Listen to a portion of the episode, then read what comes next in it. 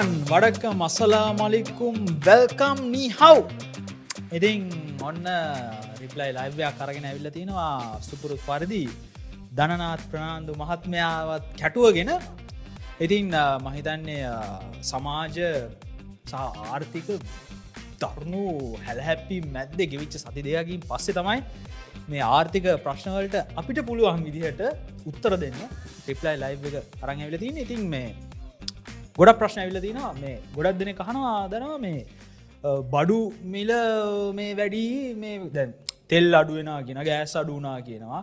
මේ ඩොලර් එක අඩුනා කියෙන බඩු මිල අඩු වෙලා නෑ බඩුමිල දැ පාංගල මිල හෙමයි කෑම එක හෙමයි බඩුමිල අඩු වෙලා නෑ ඔයක ප්‍රශ්නය තව ප්‍රශ්නයකට ගියොත් අපි මේ ද ලෝක ආර්ථික අර්බුදය පේන මාන්‍යයන් සෙයියාවක් පේනවා.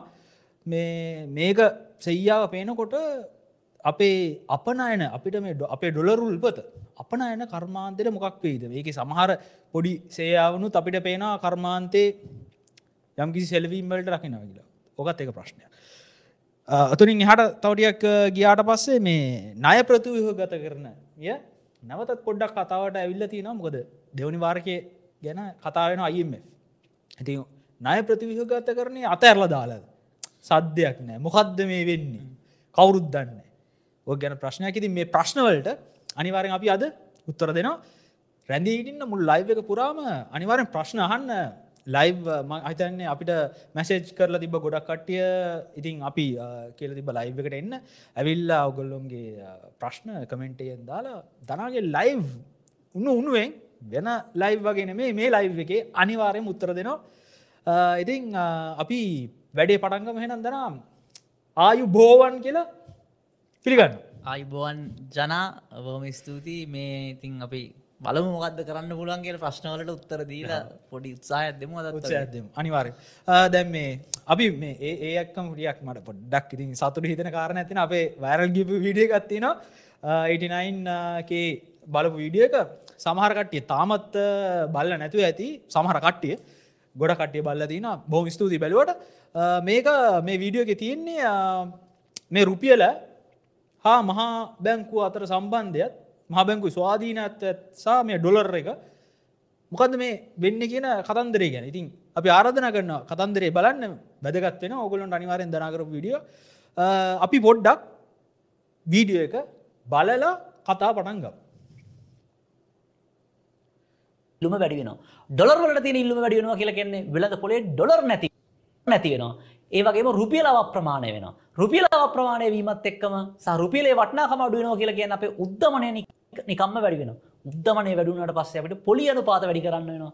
පොලි අනුපාත වැඩි කරනවත් එක්කම ආර්ථිකය හකුලන්න වෙනවා. බලන්න අපි මුලින්ම ගත්තු වැරදි තීරණයක් නිසා හරියට පොත් ටිකක් එක පෙළට තියලා පළවෙනි පොත වැට්ටුවට පස්සේ මුළු පොත් ඔක්කොම ටික වැටෙනවා වගේ අපි මුලින්ම වැඩිපුර සල්ලි අච්චු ගහපු නිසා අන්තිමට මොකක්දුනේ අපිට ඩොලරුත් නැති වුණ උද්දමනයත් වැඩි වුණ අපිට ණයගෙවා ගන්නත් බැරි වුණා.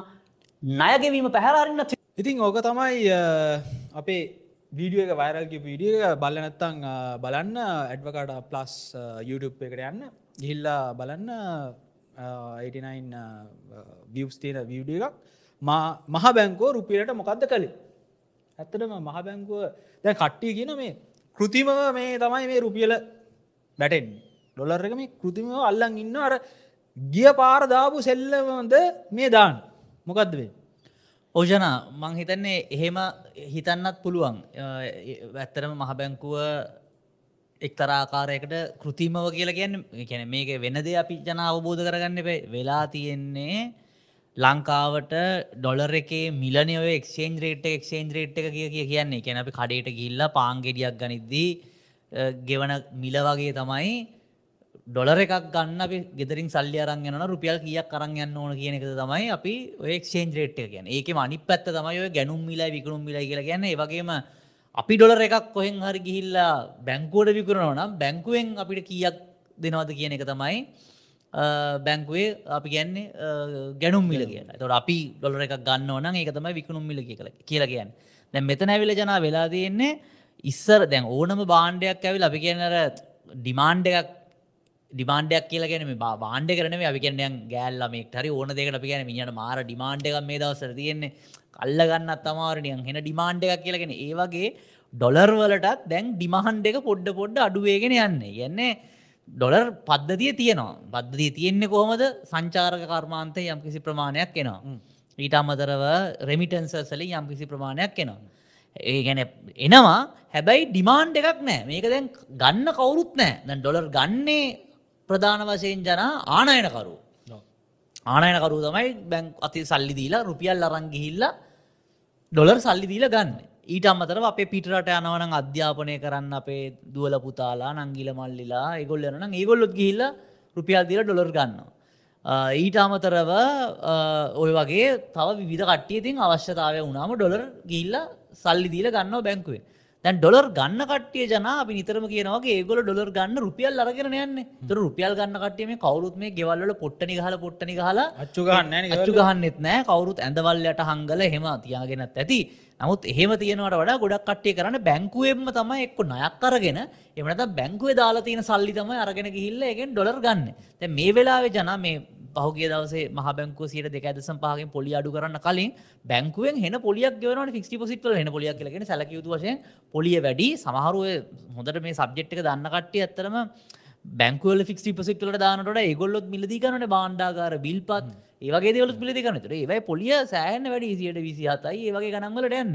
එතකොට කවුරුත් ඇවිල්ල ඒ සල්ලි අරංගිහිල්ල ඩොලර් ගන්න යන්නේ නෑ මොකද අරක තියෙන එක ඒක ඉඩටිය ලාබ ඒක ඉටට ලාබයි ඉති එතකොට කවුරුත් සල්ලි ගන්න නැත්තං සල්ලි අරංගිහිල්ලා ඩොලර් ගන්න අනික පැත්ත අනි පැත්තෙන්. කාටරීතුනොත්තේම නයිටලර් ගන්න ඕන කියලා. අපි නයිටලර් ගන්නවන දැන් අපි කෙඩිට කාඩ් පාවිචි කල ෆෝන් එකක් ගන්නවන ඊබේකින් මොනහරි ඕඩ කරනවන මොනහරි ඔන්ලයින් වෙබ්සයිට් එකින් ඕඩ කරනවන එහම නත්තන් අඩුම ගන්න මොනහරි ඔය ඔන්ලයින් තියෙන අප් එකට හරි මොනටහරි ඔඩිබල්ලරි මොනටරි සබස්ක්‍රයිබ් කරනවන ඒත් අපි ඩොලර් නයට ගන්න නැත්තර නයට කියලා. ගැන අපි ක්‍රඩිට් කාඩ් එකෙන් අයටරගෙන බැංකුවෙන් ඩොලර් යවනවා. අපි ක්‍රඩිට කාඩ් පාවිච්චි කරන්නත් අපි බොඩ්ඩ පස්ස ගන ොද ක්‍රඩිට කාඩ් එක පොලි ඔක්කොට වඩා වැඩි. ඉති එතකොට කවුරුත් ඩොලර් පාවිච්චි කරන්නේ නෑ එතකොට අර පැත්තෙන් ඩොලර් එනවා. මේ පැත්තෙන් ඩොලර් ඉල්ලන්න කවුරුත් නෑ එතකොට ඉතින් නිකම්ම ඩොලර එක වටිනාකම අඩුවෙන ඔය වෙලාවට මැද්දර පනින්න පුළුවන් ප්‍රධාන කෙනා තමයි ජන මහ බැංකුව මහබැංකුවට පුළුවන් ඩොර් ගන්න කටිය ප්‍රධානක් නතම මහබැංකුව. මොද වෙලඳ පොලේ ති මහබැංකුවට පුළුවන් බැංකුල තියා කවරුත් ගන්නතන් අපි ගන්නන් කියලා ගන්න. එහෙම ඔය ගන්න ඩොලර් තිකට තම අපි කියන්න සංචිත ගොඩ නගනවා කියලා බිලියන තුනක වගේ? ඕ දැනට මහයක කියන විදිර බිලියන තුනකට ආසන්න ප්‍රමාණය සංචිත හෙමින් හෙමින් ගොඩනගාගෙන තියෙනවා. මහබැංකුව වෙළඳ පොලේ තියෙන ඩොලර් ගන්නවා. ඒතර මහබැංකුව එන්නේ ඩොලර් ඕකෙන් ගත්තොත් එහෙම අන්න නැවතවරත් රුපියල් අව ප්‍රමාණය නැත්තන් ඩොලර එක ප්‍රිසිේට් එනවා දැන් වෙන ඩොලර එක ඩිප්‍රිසිේට්නේ මහ බැංකුව මේ වෙලාවෙදි යම් ප්‍රමාණයක් ගන්න නමුත් ගොඩක් ගන්නේ නෑ.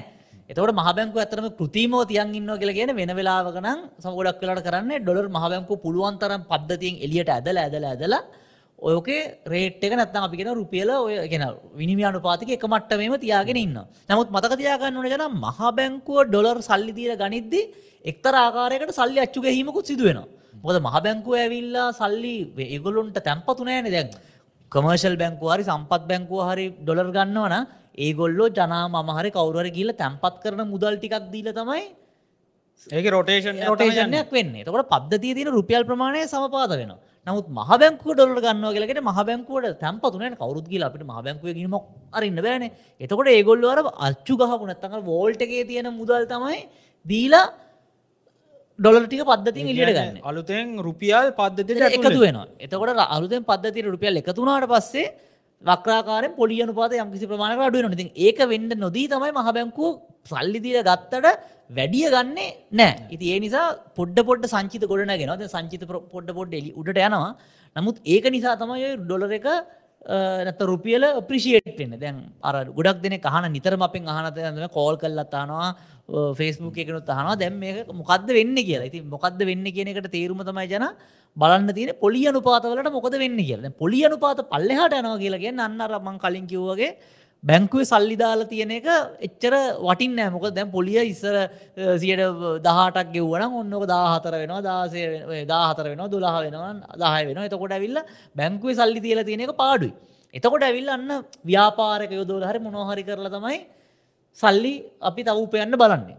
දැ පොලි අනුපාත වැඩියුණා මනිත් පැත්තෙන් ජන අපි ගෙවල් හදන්න වාහන ගන්න ඉතින් ගෙවල් හදන්න කියලකෙන යකඩ පාවිච්චි කරන්න ටයිල් පාවිච්චි කරන්න සිමෙන්ති පාවිච්චි කරන්න එතකොට සිමෙන්ති කියන ලොරි පාවිච්චි කරන්න ඇති. ඔය වගේ මුළු ආර්ථිකය මර හැකිරෙන ඒක තමයි රුපියල අධි ප්‍රමාණය වනේ දැ පොලි අනුපාත අඩුවනෝ කියලා කියන්නේ අන්න අපි පොලි අඩුවෙන හිද අපි බැංකුවෙන් අයක් ගන්න පෙළබෙන ඉතින් දැම්මන් දෙක් බැංකුවල පොලි අනුපාත බැලුවට පස්සර මහ බැංකුවෙන් පොලි අඩු කරන සිර දෙකදශප බොහෝ බැංකුවල ජුනිමාසේ යම් කිසි ප්‍රමාණයකින් පොලිය අඩු කරලා තියෙනවා යම් ප්‍රමාණයකින්. ඉතින් පොලිය ක්‍රමයෙන් අඩුවෙද්දි අන්න මිනිස්සු ආයපාරක් බාණ්ඩ මිලදී ගන්න පෙළබෙනවා එතකොට ආනයන කරන්න පෙළබෙනවා ආනයන තහනම් දාලා තියෙන නමුත් ආනයන තහනම් වලට වඩා ජන පොලිය අනුපාතමයි බලපාන්න. මොකද ජනාට මතකනම් ඇත්තරම කාලෙකට කලින් ඔය වාහන එහෙම ආනයන තහනම් කරපු කාලේ ආනයන තහනම් කරලා තියෙද්දි රුපියල අප්‍රමාණ වුණා. ඒකට හේතුව තමයි මේ ආනයන තහනම් කරට පොලි අනුපාත අඩුයි. පොලි අඩුනම් මිනිසු බැංකුවලින් අයට අරන් උන්ඩියල් හරි හවාලා හරි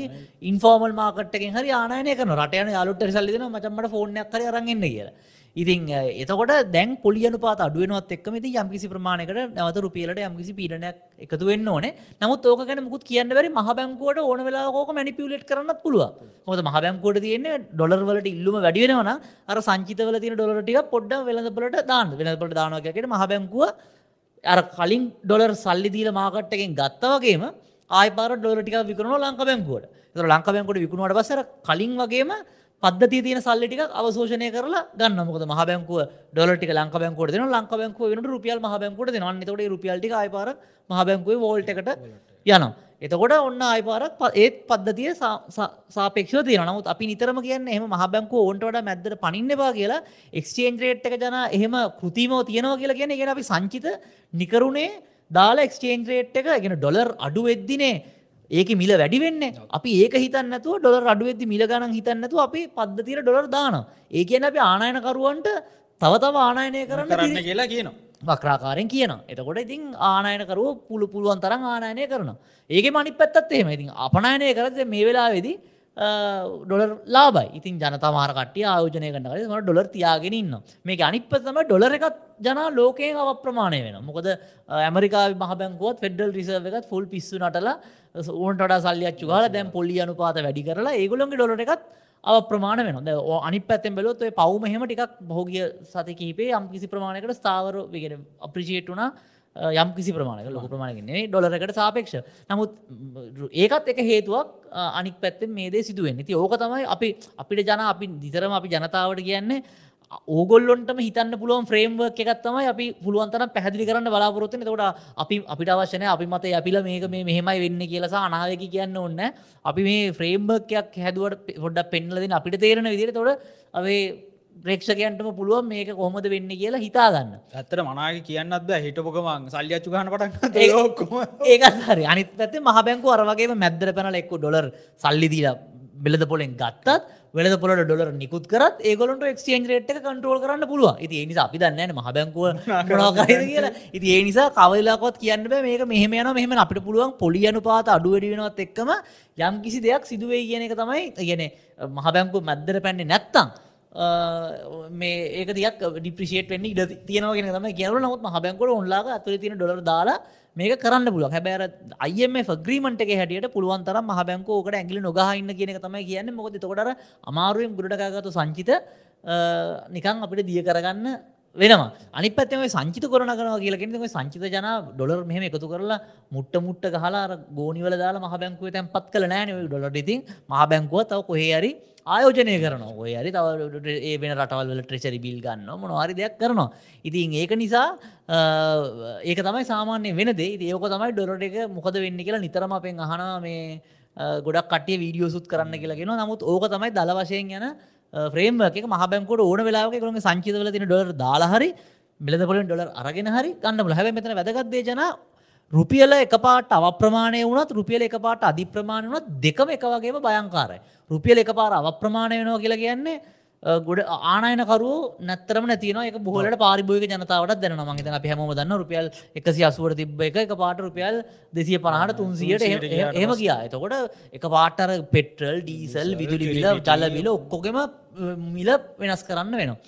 ඒවගේ තම ක අනි පැත්ත වෙදි එක පාට ප්‍රිෂියට් වෙද්දී අපනයනකරුවන්ට බලපාන මොකද වෙලා තින අපනයනකරුව අපි උදාහරණයක් විදිහට ගත්තොත් එහෙම තේ අපනයනකරුව ඒගොල්ලෝ අර දරු නෙලන්නන්ට රුපියල් වලින් සල්ලි දීලා ඒ සල්ලි දීලා පැකේජින් කරලා තමයි ඕක අපනයනය කරන්න. තොට ඒගොල අපනයනය කරත් ඒගොල ගණන් හදනවා ආ, හරි. අ, මට මේ ඔක්කොමටි අපනය කරන්න රුපියල් තුන්සියක් ගියා. අ, ඒ කියන මට ඩොලර එකක් මේ අපනයනය කරද්දී ඩොලර එකක් කියලා ප්‍රයිස් කරොත්තේම මට ඩොලර එකක් කාවට පසේ ඩොලර එක බැංකෝට දෙන්නට පස රුපියල් තුන්සියක් හම්බුවේ එතකට මට පඩිනටික ගෙවලා ඉවර කරන්න පුළුවන්ගේ උදාහරණයක් විදියට. නමුත් දැන් ඇවිල්ලා ඒගොල්ලෝ පැක්කල්ල කටේනර එක එක්ස්පෝර්ට් කරට පස්සේ අපේ බැංකුවල එක්ස්චේන්ජ් රේට් එක පොඩ්ඩ පොඩ්ඩ අඩුවෙන අඩුනට පස්ස යාවිල්ල එහින් අර. ඩොලර කරංගවට බැංගුවට තුන්නම කියෙන එකගලගෙන තුන්සේ පනහත් දෙන්න අපිට දෙන්න පුලන් දන දෙසියක් දෙන්න එකට අරමනසර රුපියල් සියක පරතරයක් කෙනවා අර පඩියවන කට්ටියට ගෙවන්න. ඒකයි නිතරම කියන්නේ එක පාරට මේක අඩු කරන්න හෝ වැඩි කරන්න හොඳ නෑ. හොඳ ආර්ථිකයක් කියලා කියන්නේ අපේ එක්ස්ටේන් රේට් එක ස්ථාවරව තියන ගැන්න වෙනස් වෙන්න ඇතකොට ඕන කෙනට ප්‍රඩික් කල්ලා බිස්සස් එකක් කරන්න පුළුව මොක අපනයනකරුව බයවෙන්නෙත්න අපනයනය කරන්න මොකොත් දන්න ඩොරට එක කොයි වෙලාමං අරංගාවත් මට බැංකුවෙන් රුපියල්ලේ තුන්සී හරි දෙසි හරි ගාන දෙෙන ආනයනකරුව බයවෙන්නෙත්න ඕන වෙලා කානයනය කරන්න. මොකද යාදන්න ම ඕනලා රුපියල් තුන්සියක් හරි දෙසියක් කර කියන ගාන අරංගියොත්තේම ඕන වෙලා අදාරංගියත් මාසකින් අරංගියත් ඒ ගාන තමයි තියෙන්නේ කියලා දැන් අ, නමුත් ඕක වෙනස් වෙන්න ගද්දි මිනිස්සු හරියට ස්පෙකියුලේට් කරලා ඒකටත් එක්ක ගාණක් වැඩිපුර තියෙනවා අනිවාර්යෙන්. එතකොට ඇවිල්ලා ආනයන ගත් පැත්තෙන් ගත්තට පස්සේ පාරිභෝගිකයට තමයි ඒක වැඩිපුර බලපාන. දැන් ටීවී ගන්නවා නම් අපි ටීවී එක ගේන කට්ටිය හිතනවා අප්ප දැන් මම මේක මොන විදියට මේ වෙයිද දන්නේ එයා ප්‍රයිස් එක වැඩි කරලා තමයි ගොඩක් වෙලාවට දෙන්නේ. අපනයන කරුවනි පැත්තිෙන් ඒදේ කරන්නගේ අප අපනයන කඩම් වැටෙන මොකද අපි ඇවිල හිතුමතයට හෙම පාට මිල වැඩි කරම ලෝක අනිතරටවල් පිල් දැන් තේයාවනනම් කෙන්යාවනුත් තේයාවන ඩුබායි වලනුත් කලවන් කල්ල තේයාවන කොට ඒවයි එක්ස්චේන්ජරේට් සාවරුනාම අපේ එක්කෙන අද මිල වැඩි කරනවා හෙට මිලාඩු කරනවා හෙම කරන්න ගත්තාම එක ප්‍රශ්නය අනි පැතෙන් අපනකරුවන්ට හෙම කරන්නත් බෑජන මොකද ඔයගොල්ලොය අවුරුදු දෙකට තුනට එකක කාලවලට ගිවිසුම් මස්සං කල තියෙන ප්‍රයිස්සගත් එක්ක. ලංකා වෙලදබල තරකාරය නැතුන ලෝක වෙලදබල තරකාරී හරියට හරි. එතකොට ඇවිල් අර එක්ස්චේන්ජ් රේට් එක මාරු වෙද්දී ඒගොල්ලොන්ට තරඟ කරගන්න බැරි වෙන ඇත්තටම ලෝකෙත් එක්ක. එතකොට අපේ අපනයන කඩම් වන්න ඒක එක හේතුවක් ඇත්තම අපේ අපනයන මූලික වශයෙන් අඩුවෙන්න අනි පැත ලෝක ආර්ථිකය එච්චර හොඳන අපේ ගොඩක් අපනයන යන්න ජන ඇමරිකාවට යුරෝපයට. ඒ ආර්ථිකයන් දෙකම එච්චර හොඳට වැඩ කරන්න අනිත ඇමරිකාව චන්දෙකුත් එන්න නියමිත එතකොට ගොල්ලුත් පොඩ්ඩ පිස්සුනටන සාමාන්‍ය ලංකාවගේම ඉතින් එතකොට ඒ ප්‍රශ්න වැඩි. ඒක නිසා තම අප අපනයනවලට විශාල බාධාවක් ඇවිල්ල තියෙන්නේ. ඉතින් ඕක තමයි සාමාන්‍ය රුපියලට සහ ඩොරටකට හැම මහන මොකද වෙන්න කියලා. ගොඩක් කටියර කොරියාවන්න කටියත්මට කතා කරනවා. කැනඩාව එහින්න කටියත් කතා කරන්නවා ගොඩක්ලට මේ දවසල ඉගෙන ගන්න ගිහිල්ල තියෙන කටිය ගොල්ල ඩක්ලට සෙමස්ට එකට සල්ලි ගවන්න. දැම්මම් ඩොලර් ගන්නද තියෙන ඩොලර් විකුණන්නද මොකද කියලා හන ඉතින් අපිට ඒවගේට එහම අපිට පර්සනල උත්තරද අමාරු මොකද අරමං කිවෝගේ මහ බැංගුව එක පාට මොනහරි සල්ලි අච්ච ගවතර පිස්සුවක් කොරොත්තේම අපේ බෙල්ල තමයි ගහල යන්න. නමුත් අපිට පුළුවන් ඒ ෆ්‍රේම්බර්ක් එක ඔගොලොන්ට කියලද අපිට ඕන එකත මැර මාළුව මාළුවදනට මාළුව අල්ලන ක්‍රමය බිලිපිත්තත් දෙනවා කියලා කියන්න. ඉති එතකොට ඔගොලොන්ට දල වශයෙන් හිතාගන්න පුල මේක යන විදියට මොන පැත්තරද යන්න කියලා. ඕක තමයි ජන ඉතින් මූලික වශයෙන් කියන්න අපි එහෙනම් ලයිව් එක තියෙනවා සෑහෙන්න නේද? ප්‍රශ්න සෑහෙන් ඇවිල්ල තිනවා අපි ගමු. ප්‍රශ්න හෙනං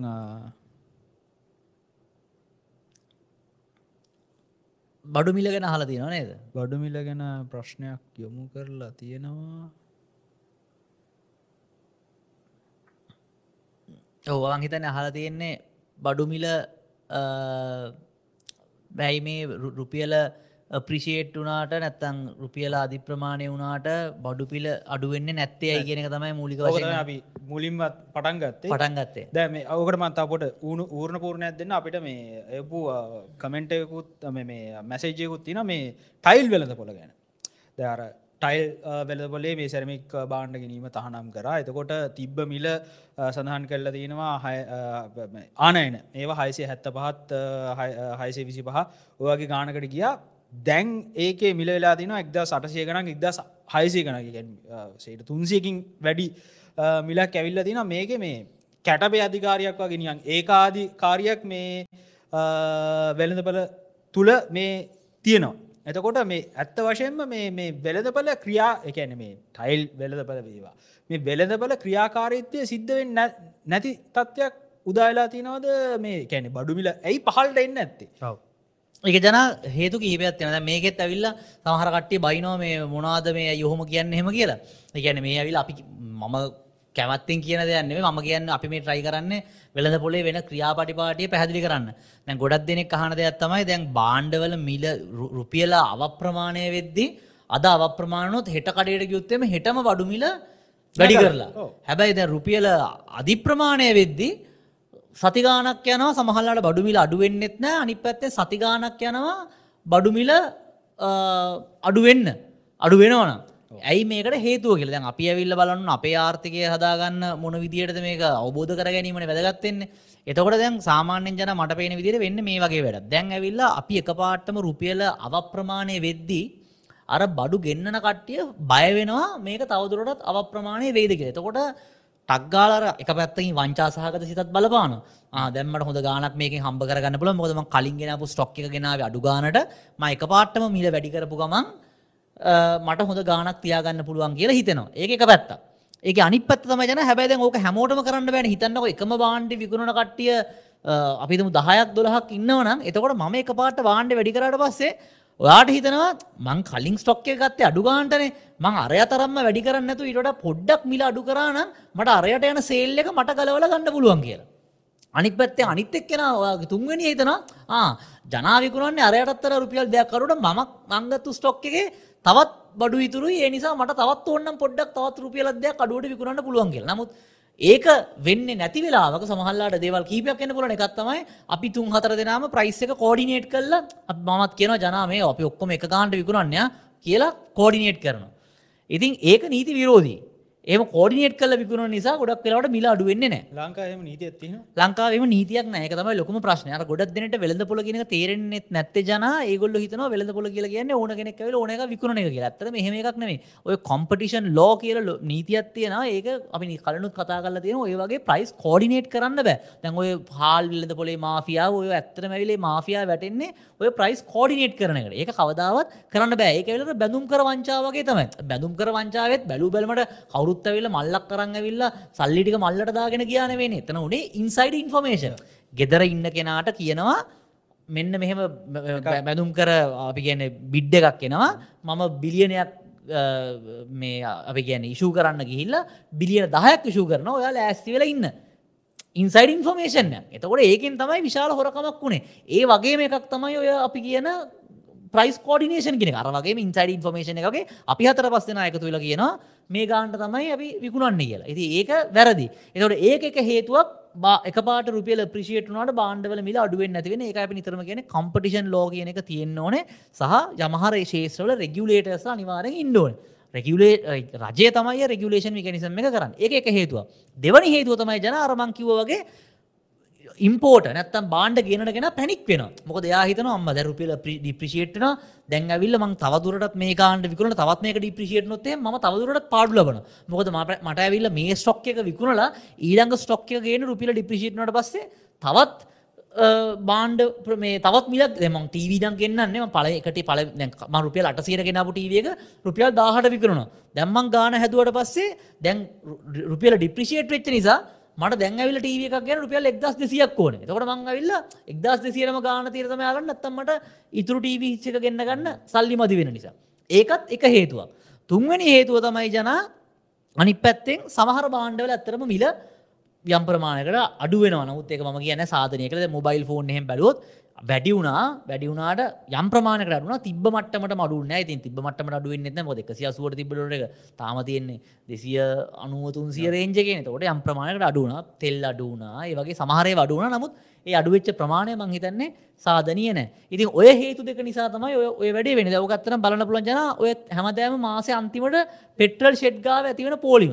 දැ මොද තෙල්මිල අඩුවෙද්දී පෙට්‍රල් ෂෙඩ් එක ඇවිල්ලා කලින් ගත්තු ස්ටොක් එකේ ගාන වැඩි එතකට ඒගොල් ඇවිල අන්තිම දවස්ටිගේ තෙල්මිල අඩුවන බව දන්න නිසා ඒගොල අලුතේ ස්ටොක්තියාගන්න එතකට පුළුවන් තරඟර පරණ තෙල්ටි විකරන මොකද මාස පලවිනිද පටන්ගන්නති පරණ වැඩිගාන්ට තෙල් ගොඩත් තිබුණොත්තහෙම එතකොට ගොලට පාඩු ඒනිසා එකකු තෙල්ගන්න නැතුව පුළුවන්තර පරණ තෙල්ටි අන්තිම වෙද ඉවර කරලා අලුත් අඩුවට තෙල් ස්ටොක් එක තම ඇනෝම දාන්න. එතකොට ඇවිල් හැම මාසම පලවෙනිදට ඔන්න හෙන පෝලිමත් තියෙනවා සෙඩ්ඩක ගාව.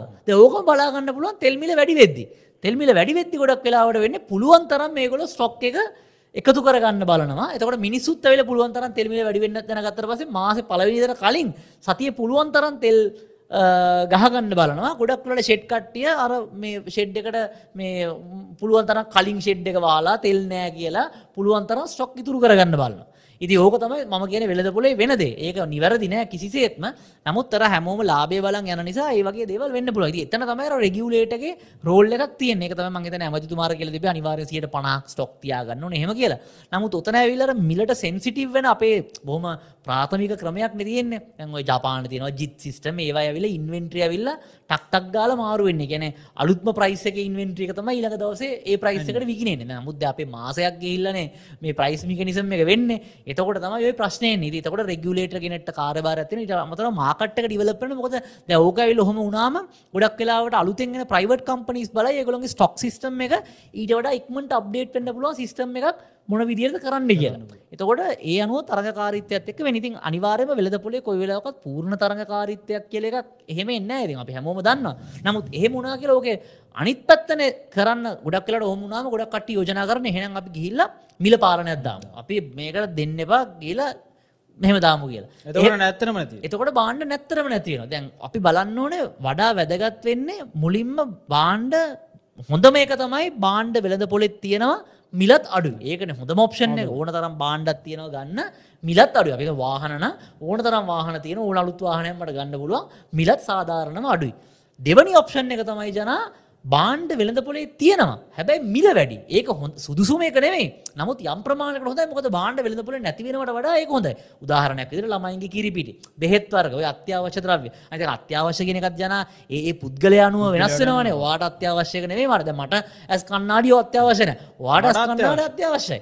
එතකොට ඇවිල්ලා මම කියලා හරියන්නේ නැහැ ඇස් කණ්ණාඩිය අත්‍යවශ්‍ය භාණ්ඩයක් නෙවෙයි කියලා. ඒක ඔයාට අත්‍යවශ්‍යයි. එතකොට ඒක වෙළඳ පොලේ වැඩි ගානකට හරි ඔයාට තියෙන්න ඕන. අඩු ගානට තියෙනවා නම් හොඳයි නමුත් වැඩි ගානට තියෙන නමුත් මිල පාලනයක් දැම්මට පස්සේ අර ඒගොල්ලොන්ට මේ මිල පාලන මිල ඇවිල්ලා කොහොමත් ලාභදායි නොවනට පස්සේ ඒගොල්ලෝ වෙළඳපොළට බාණ්ඩ ගේන්න එක නවත්තනවා. ඉතින් ඒක තමයි අපි වළක්ව ගන්න ඕනේ. ඒකයි අපම කියන්නේ නිතරම මිල පාලනයක් දාලා හරියන්නේ නැහැ. තරගකාරීත්වය ඇති කරන්න ඕන. නමුත් තරගකාරීත්වය ඇති කරගන්න පූර්ණ වෙළඳපොළ තරගයක් එන්නේ නැති නිසා රජයට තියෙනවා රෙගියලේටරි රෝල් එක. ඒකට කම්පටිෂන් ලෝ එක අනිවාරෙන් වැදගත. ලංකාව දැනට කොම්පටිෂන් ලෝ කියල දෙන්නේ අපේ පාරිභෝගික අධිකාරී තියෙන නීතිය. ඒක ඇවිල්ලා ඒගොල්ල වෙල්ලා මිල පාලනය කරන්න තම යන්න. ඇත්තරම පාරිභෝග අධිකාරය මේ ඔගොල් හැමෝටම කියල ඒ වෙබ්සයිට කියල බැලුවටම් බලාගන්න පුළුව ඒක තියෙන්නේ තරගකාරිත්‍ය ඇති කරන්න ඕන කියන තම ඒගොළගේ මැන්ඩේට් එක. නමු තරගකාරිත්‍ය ඇති කරන්න එන ඒගොල්ලෝ ගොඩක් කලට කරන්න සිමෙන්ති ගෑස් ඕවට මිල පාලනයක් දානවා. ඊට තැඩිය මේ අර මතකනේ පොල් රවුන් හදාගෙන මිල පාලනය කර- වලල්ලක් පොල්වල සයිස් එක බලනවා. බිත්තරේ සයි ඒව බැලූ බැල්මට හොඳයි වගේ පේනවා. නමුත් ඒක ජන ප්‍රායෝගිකන මොකද අපි අපේ වෙබ්සයිට් එක බලන්න මිල පාලන ගැන රිසර්ච්චක් කර දෙදස් දහට.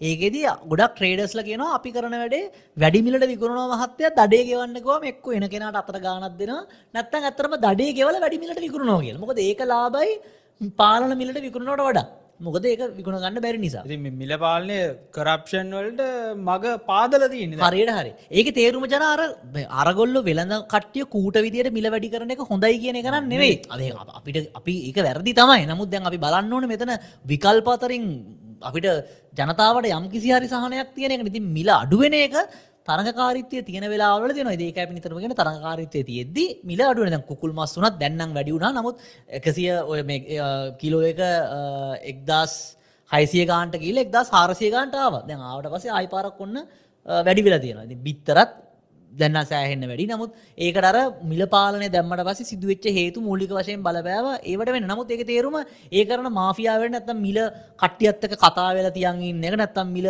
වැඩි කරන්න ඉන්න එක නිවරදී කියන එක නෙවේ ඒක දෙවනි හේතු තුන්වෙනි හේතු තමයි ජනමට කියන්න බැරි වෙච්ච එක. දැන් ඇත්තටම ඔය මිල වැඩි වෙලා තියෙන්නේ ගොඩක් ආනයන කන්ටෙන්ට් එක සෑහෙන අඩු වෙයි. මොකද දැනටමත් ආනයන විශාල ප්‍රමාණයක් වෙන්න අපේ මේ උද්දමනය වැඩි වෙච්ච නිසා වැඩි වෙච්ච මිල වැඩිවීම එහෙම තියෙන ඩොරට ඩිප්‍රිෂියට උනත් මොකද ඒකට ඇවිල්ලා ඉම්පෝර්ට් කම්පෝනන්සේම ගොඩක් අඩුයි ගොඩක් ඒවට තියෙන නමුත් අඩුයි. දැන් එතකොට ඇවිල්ල වෙන්න දැන් අර ගොඩක් කට්ටියන උද්දමනය සියට විස්සට අඩුවෙන නිසා මිලත් අඩුවෙන් ඕන කියලා. දැන් මතක තියාගන්න උද්දමනය අඩුවෙනවා කියලා කියන්නේ බාණ්ඩවල මිල අඩුවෙනවා කියන එක නෙවෙයි. උද්දමනය කියලා කියන්නේ ජනා මිල වැඩි වෙන වේගය. ඒ කියන්නේ අපි වාහනයක් පදවගෙන යද්දි අපේ අර ස්පීඩෝමීටරගේ කට්ට බිඳුවෙන් පටන් ගත්තාම බිඳුව දහය පහළව විස්ස හැට හැත්තෑව වෙනවා. ඊට පස්ස ඇවිල අපි දිකට හැත්තෑම යන හැත්තෑම යනවා. එතකොට කට්ට යන්න කියනක තේරුම වාහන යන්න ගෙන නෙවෙයි. වාහන යනවා. අර විද්‍යාව කරනගේ ඒකාකාරී ප්‍රවේක තොර අපි විශාල දුර ගමන් ගමන් කරන ඒවගේ ආයපාරක් වාහනේ හැත්තෑවිඳල හැට පණහ හතලිය වෙද්දි වාහනේ ස්ලෝ වෙනවා. හැබැයි වාහනේ ස්ලෝවනාට අපි ගමන් කරනවා. වාන නැවදිලාන වාහන නැවතිල නෑ දැනුත් වෙලා තින්නේ උද්ධමනය සියට හැත්තෑවින්දල සියට විස්සට ආව කියලා කියන්නේ තාම මිල වැඩි වෙන හැබැයි මිල වැඩිවෙන්න අර හැත්තෑවේගෙන් නෙවෙයි විස්සවේග හැත්තෑවේගකින් යන වාහනකට හැප්පෙනට වඩා අනතුර අඩුයි විස්සවේගකින් යන එකට හැප්පුුණට පස්සිතින් එතකොට හැබැයි දුර එන්න එන්න වැඩි වෙන මිලේ එන්න එන්න වැඩි වෙන ඒක නිසා තමයි උද්ධමනය අඩුවෙච්ච පමණින් මිල එක පාරට අඩුවෙන්නේ නෑ එතකොට මිල ඇවිල්ල වෙන්න මිල වැඩිවන වේගේ අඩුවෙන එතට උද්ධමන තනිලක්කමකට වගේ ආවටවස්තම යෝක යම් කිසි ස්ථාවර මට්ටමකට ඒකත් එක හේතුවක් බෝධනට සමට ඒකත් පටලගන උද්ධමන අඩුවන ඇයි මිල අඩුවෙන් නැත්ත කිය ඉතින් ගොඩක් දෙන සමහරමන්දයක් එක්කෙනෙක් මගින් හලතින ඕක ආර්ථික විද්‍යාව ගොල නිතරමර තියරියෙන් කියන විතර කියලා. මුතිතින් සාමාන්‍ය සිදුවෙන්නේ එක දැන් ගොඩක් ගොඩක් දෙන කහන්නේ ඇයි රුපියල ශක්තිමත් වනාට උද්ධමනය අඩුනාට මිලාඩුවෙන් ඇති කළ ඒක තමයි හේතු. ඒක නිසාම තමයි ජනා අපි කලින් වීඩියෝස්වලදී ගැන මේ අර්බුද ඇතිවෙන්න කලින් කිවේ උද්ධමනය තමයි අපේ ඉන්න නරකම සතුර මොකද උද්ධමනය වැඩියුණට පස්සේ මිල වැඩි වුණාට පස්සේ ආය පාර මිල පල්ලෙහට ගන්න ජනල් ලේසි නෑ මොකද ම කිව වගේ මිල වැඩිවෙන සීකතාවේ තම උද්දමනය කියලගෙන තොට ආය පර මිල ලේසියෙන් පල්ලෙහටන සමහර බාණ්ඩවල අපි කිවෝගේ පෙට්‍රල් ඩීසල් සමහර ඒවා එනවා. නමුත් විල පල්ලෙහටන ඒකයි අපි නිතරම කියෙන සල්ලි අච්චු කහලා උද්ධමනය ඇති කරලා අපේ මිනිස්සුන්ගේ අහිංසක මිනිස්සුන්ගේ වත්කම් ටික සූරගෙන කන්න එපා කියලා. මොකද ඒක මිල වැඩියුණාවට පස්සේ ඒක නැවත රිවස් කරන්න අමාරුයි. ඒකයි උද්ධමනය වඩා නරක සතුරෙක් වෙන්නේ අනිත් හැම එකකටම වඩා. පස්සිදු හොෂාන් අහල දන ජූලි මාසය සිට ආනයන අපනයන සීම කිරීම ලිහිල් කරනවා කියලා එම යෝජන කරලා තිනවා. සියලුම ආනයන අපනයන සීම ඉවත් කරයිද? වාහන විතරක් ආනයන සීම කරලා ඒ ප්‍රායෝගිකති. ඔවු මගේනම් අදස තමයි අපි ඉස්සරනම් ලංකා ගහෝදනෙක් මතක ඇති හැමෝම හිතු ආනයන තහන කලම රට සංවර්ධනය කරන්න පුළුවන් නමු දැම්ම හිතන ජන හැමෝටම පැහැදිල තියෙන ආනයන තහන කරට පස රට සංවර්ධනය නෙවේ රට සම්පූර්ණ පිටිපසර යන්න කියලා. ඒකට ප්‍රධාන හේතු තම අප ආර්ථක සම්පූර්ණයෙන් අක්‍රිය වෙන ආනයන නැති වුණාම්. එතකොට ආනයන අනිවාරෙන් ගිහිල් කරන්න වෙනවා මොකද අපි ඇවිලු දැනටමත් ලෝක වෙළඳ සංවිධානයේ ගයිඩ්ලයින් ඔක්කොම කඩල තියෙන්නේ. අනි පැත්තෙන් අපි දැන් අය ප්‍රතිවියෝගත කරන්න අද්දී අපිට ජපානය යුරෝපය රටවල් ඒගොල්ලොන්ගේ ආනයනත් අහනං කරලා මේ නයත් කපාහරන්න සූදානමක් වෙන තියෙන අවස්ථාව ඉතාමත්ම අඩුයි. ඉති මට හිතන විදිට ඇ මහබැංකු අධිපතිතුමත් කියල තිබ ආනයන කරන්න දෙයි කියලා. ඉතින් බලාපොරත්තු නිතර මං බැංකු කිහිපයක අර්සේෂන්ස් කීපයකට ගොල බලාපොරත්තුන යම්කිසි ප්‍රමාණයකට ආනයන කරන්න දෙකල මන් දන්න වාහන කරන්න දෙක නමුත් මහිතන වාහන කරන්න දෙන්න වෙයි කියන එක තමයි මට හිතෙන්නේ. නමුත් කවරුත් මංහිතන බයවෙන්න ඕන්න අර ලංකායට ගොඩක් කරට බයක් තියෙන ම නිතරම කියනවගේ ආනයන කරන්න දීකම ඩොලර් හිදේ කිය ආනයනය කරන්න දුන්නාව ඩොලර් හිදෙන්නේ ජනා සල්ලි අච්චු ගැහුව. සල්ලි අච්චු ගැහුව නැත්තම් කට්ටිය ඇවිල්ල රුපියල් එකතු කරපු රුපියල් අරංගිහිල් එබයි කොහෙන් හරි ඩොලර ටික සල්ලි දීල ගන්න. ඉතින් එතකොට ඇවිල්ලා පද්ධතිය ඩොලරුයි රුපියලි සමපාතයන ඕන්ට වඩා ඩොලට ඉල්ලුම වැඩියුණොත් එහෙම රුපියල අවප්‍රමාණය වේ තකොට වෙල වාහනයක ගණන් නිකම් රුපියල ඩිප්‍රිෂේට් නිද ඉහල ගයාම කවරුත් වාහන අත්‍යවශ නැතිකට්ටිය ගන්න එක අඩුවේ නමුත් ඒක තමයි වෙන්න. ඩොලර් හිදීමක් සිදු වෙන්න නෑ අපි හරියට ආර්ථකය වැලස් කරනවන. නමුත් ඩොලර් හිදෙන්නේ ඕනට වඩා සල්ලි අච්චු ගහලා දැම්මට පස මොකද තකොට ඩොලර් වලට එන්න ඩිමාන්ඩ එකෙන් එන්න වැඩි වෙන එතකොට හවැක්ගෝ කරන්න සමට සංචිත ලොක ස්ථාවරෝතියගන සංචිතවලින් අනි පත්තෙන් සල්ලි ඩොලටික වෙනද පොට දානවා.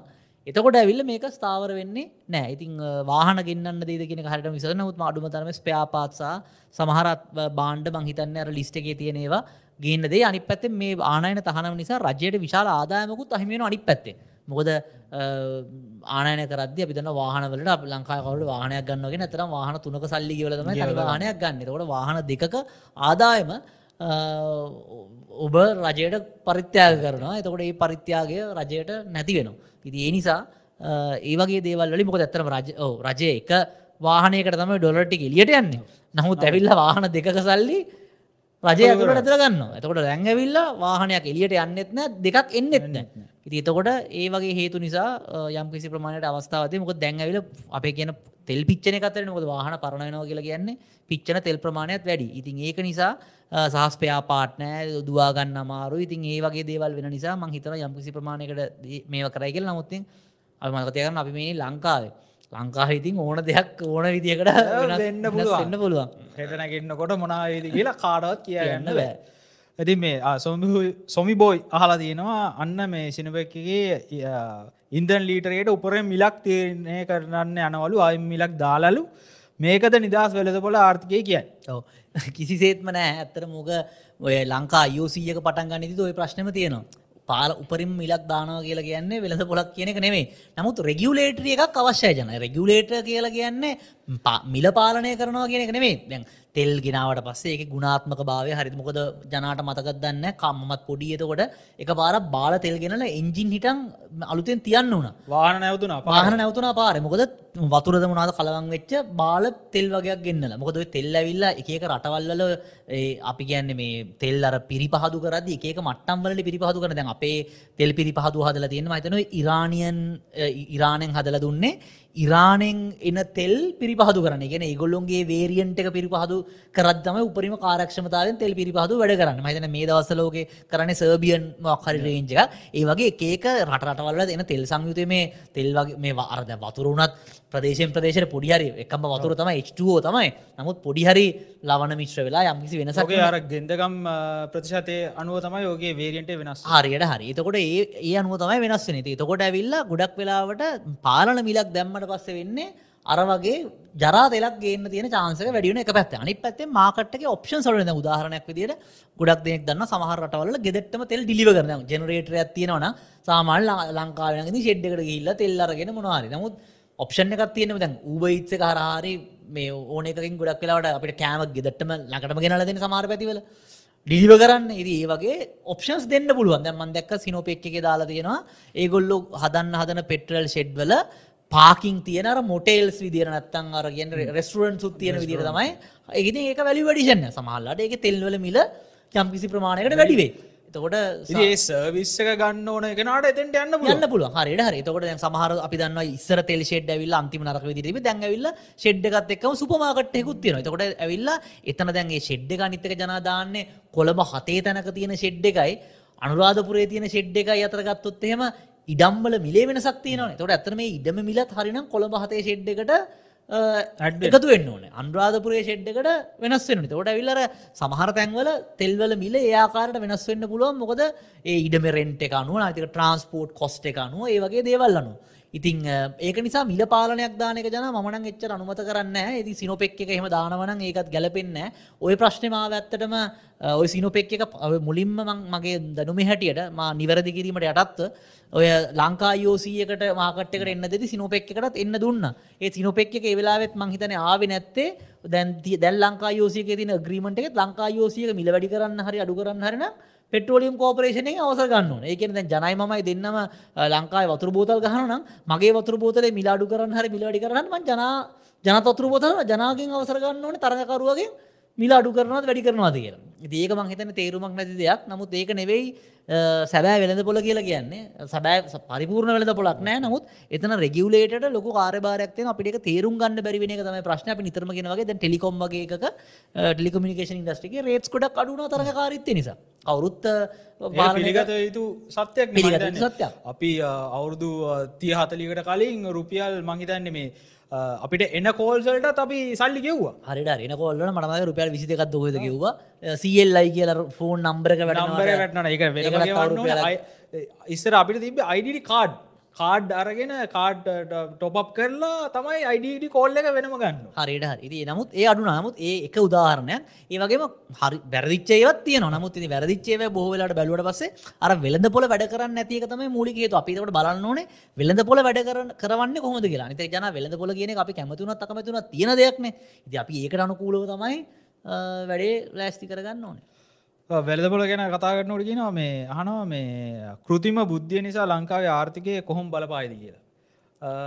මහිතන්නේ කෘතියම් බුද්ධිය ඇත්ත වශයෙන්ම දැන් ලෝක තත්ත්ව ගත්තොත් ඒගොල්ල ඉතා ඉදිරියට ගිල්ල තියෙන දැන් අලුතෙන් Apple ප්‍රඩක්ස් ඇවිල්ල තියෙනවා ඒවී යස් කරලා ඒ වගේ මේ ගොල්ලෝ එකොල්ලොන්ගේ ඉන්ඩස්ට්‍රීස්වල්ට ගොඩක් යස් කරන කෘතිම් බුද්ධිය ඒ අයි දැන්ටත් එකොල්ල යස් කරලා තියෙනවා. ඉතින් අපි තාම මං හිතන්නෑ අපේ රා- මේ රාජ්‍යංශයට ඇවිල් දැ අපේ පෞද්ගලිකංශේ ඒ ඒ යස් කරලා සමහරට චැඩ්ජිප යස් කරන පුළුවන් බාඩ් යස් කරන වෙන්න පුළුවන්.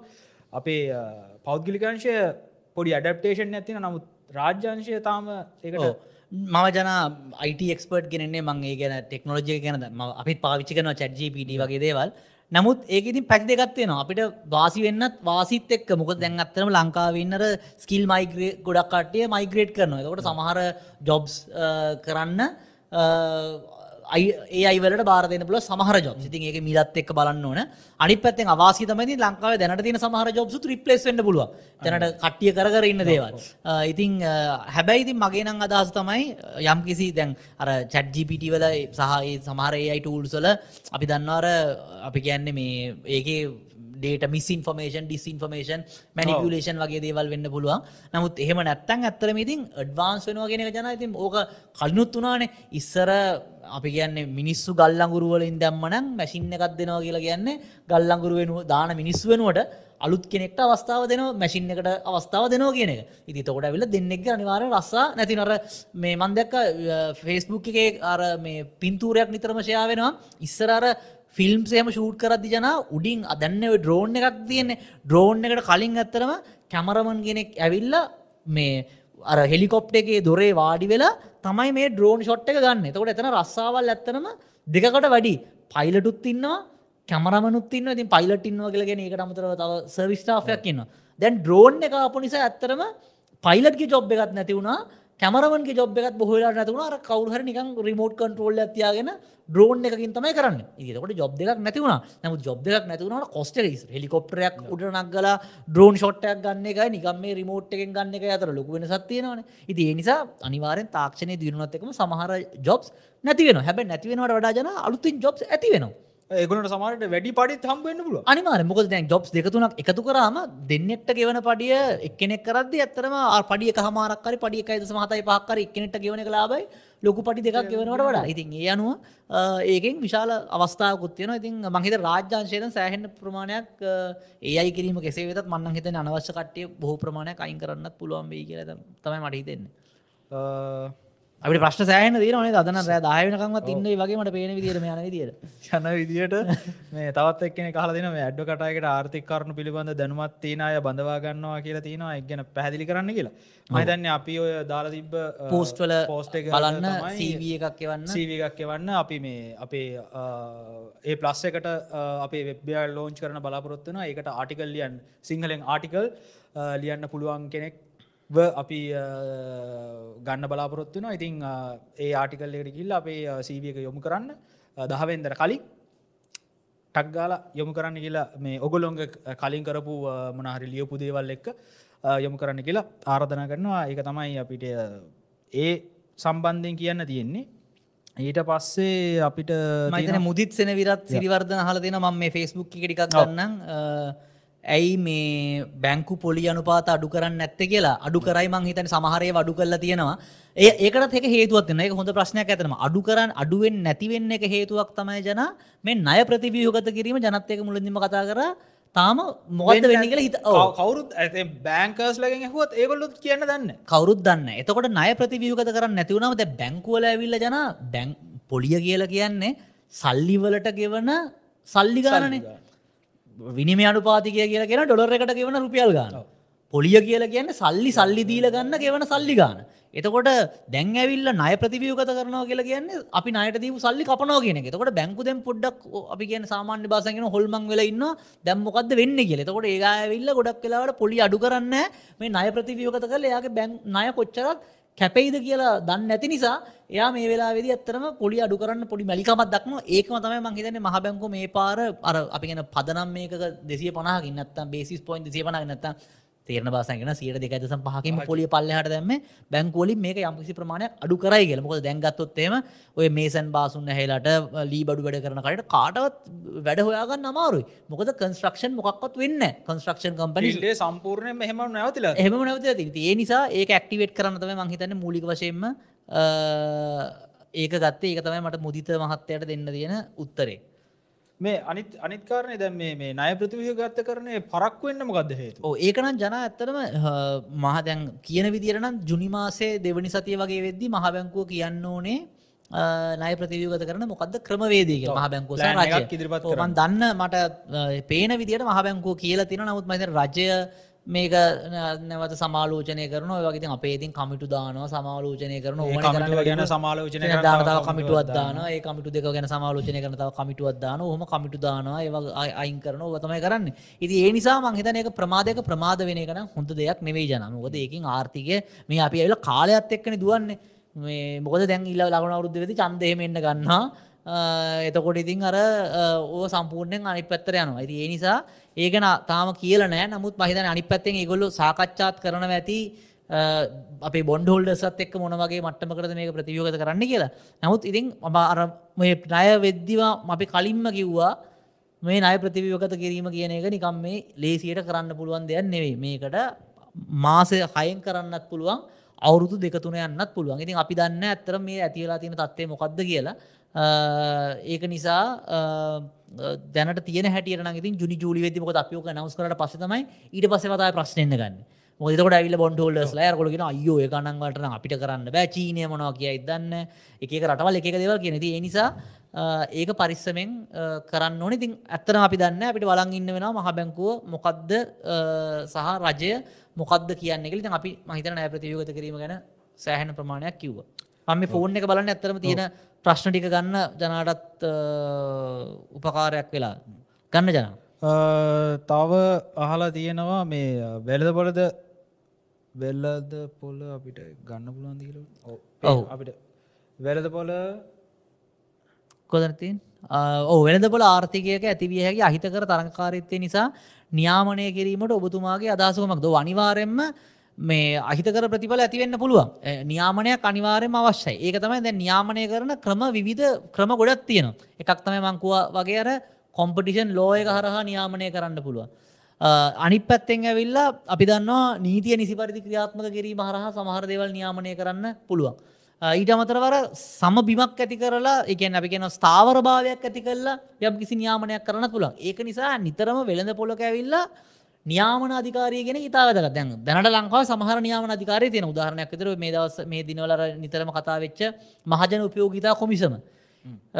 ඒක ඇවිල නියාමන අධිකාරය ඒකෙන් තමයි මූලික වශයෙන් අපේ ගැන මහජන උපයෝගිත යුටිලිටස් කියනේවා තෙල් තෙල් නෙමේ විදුලිය ජලය ඒ වගේ දේවල් ඔක්කොම නියාමනය කරන්න. එතවට ටෙලිකමියනිකේෂන් රෙගුලේටිය තෝරටි කියල ගත්තින ටිය ටෙලිකමියනිකේෂන් රෙගුලේටරි කමිෂන් ඒකෙන් තමයි ඔය ෆෝන් වලටන එමි නම්බර්ස් දෙන්නේ රූපවාහිනී වල සංඛ්‍යාත නියාමනය කරන්න මේ දසලාය පනතක් ගැන සාකච්ඡා වෙන ඒවගේ එකටත් නියාමන අධිකාරයක් තියෙන ඒගොල වෙනදපොලට ඇගිලි ගහන්න නමුත් හරි විදියට ඒගොල්ල වෙළඳපොල නියාමනය කරන ඉතින් ඒ වගේ බොහෝ ශේත්‍රවලට නියාමන අධිකාරීන් අනිවාරයෙන්ම පවතින ඒ නියාමන අධිකාරීන් වලින් තමයි අර ඒකඇල ජන මැච්චක ඇවිලා අම්පය ක්‍රිකට් ගහන්නෑනේ හැබැයි අම්පය හොර කරන්නත් බෑ. අම්පයා අපි ගැන ඉම්පාශල් ඉඳලා තරගය හරියට තීරණයක් දුන්නොත් තමයි මේ මැච්චක හොඳට යන්නේ.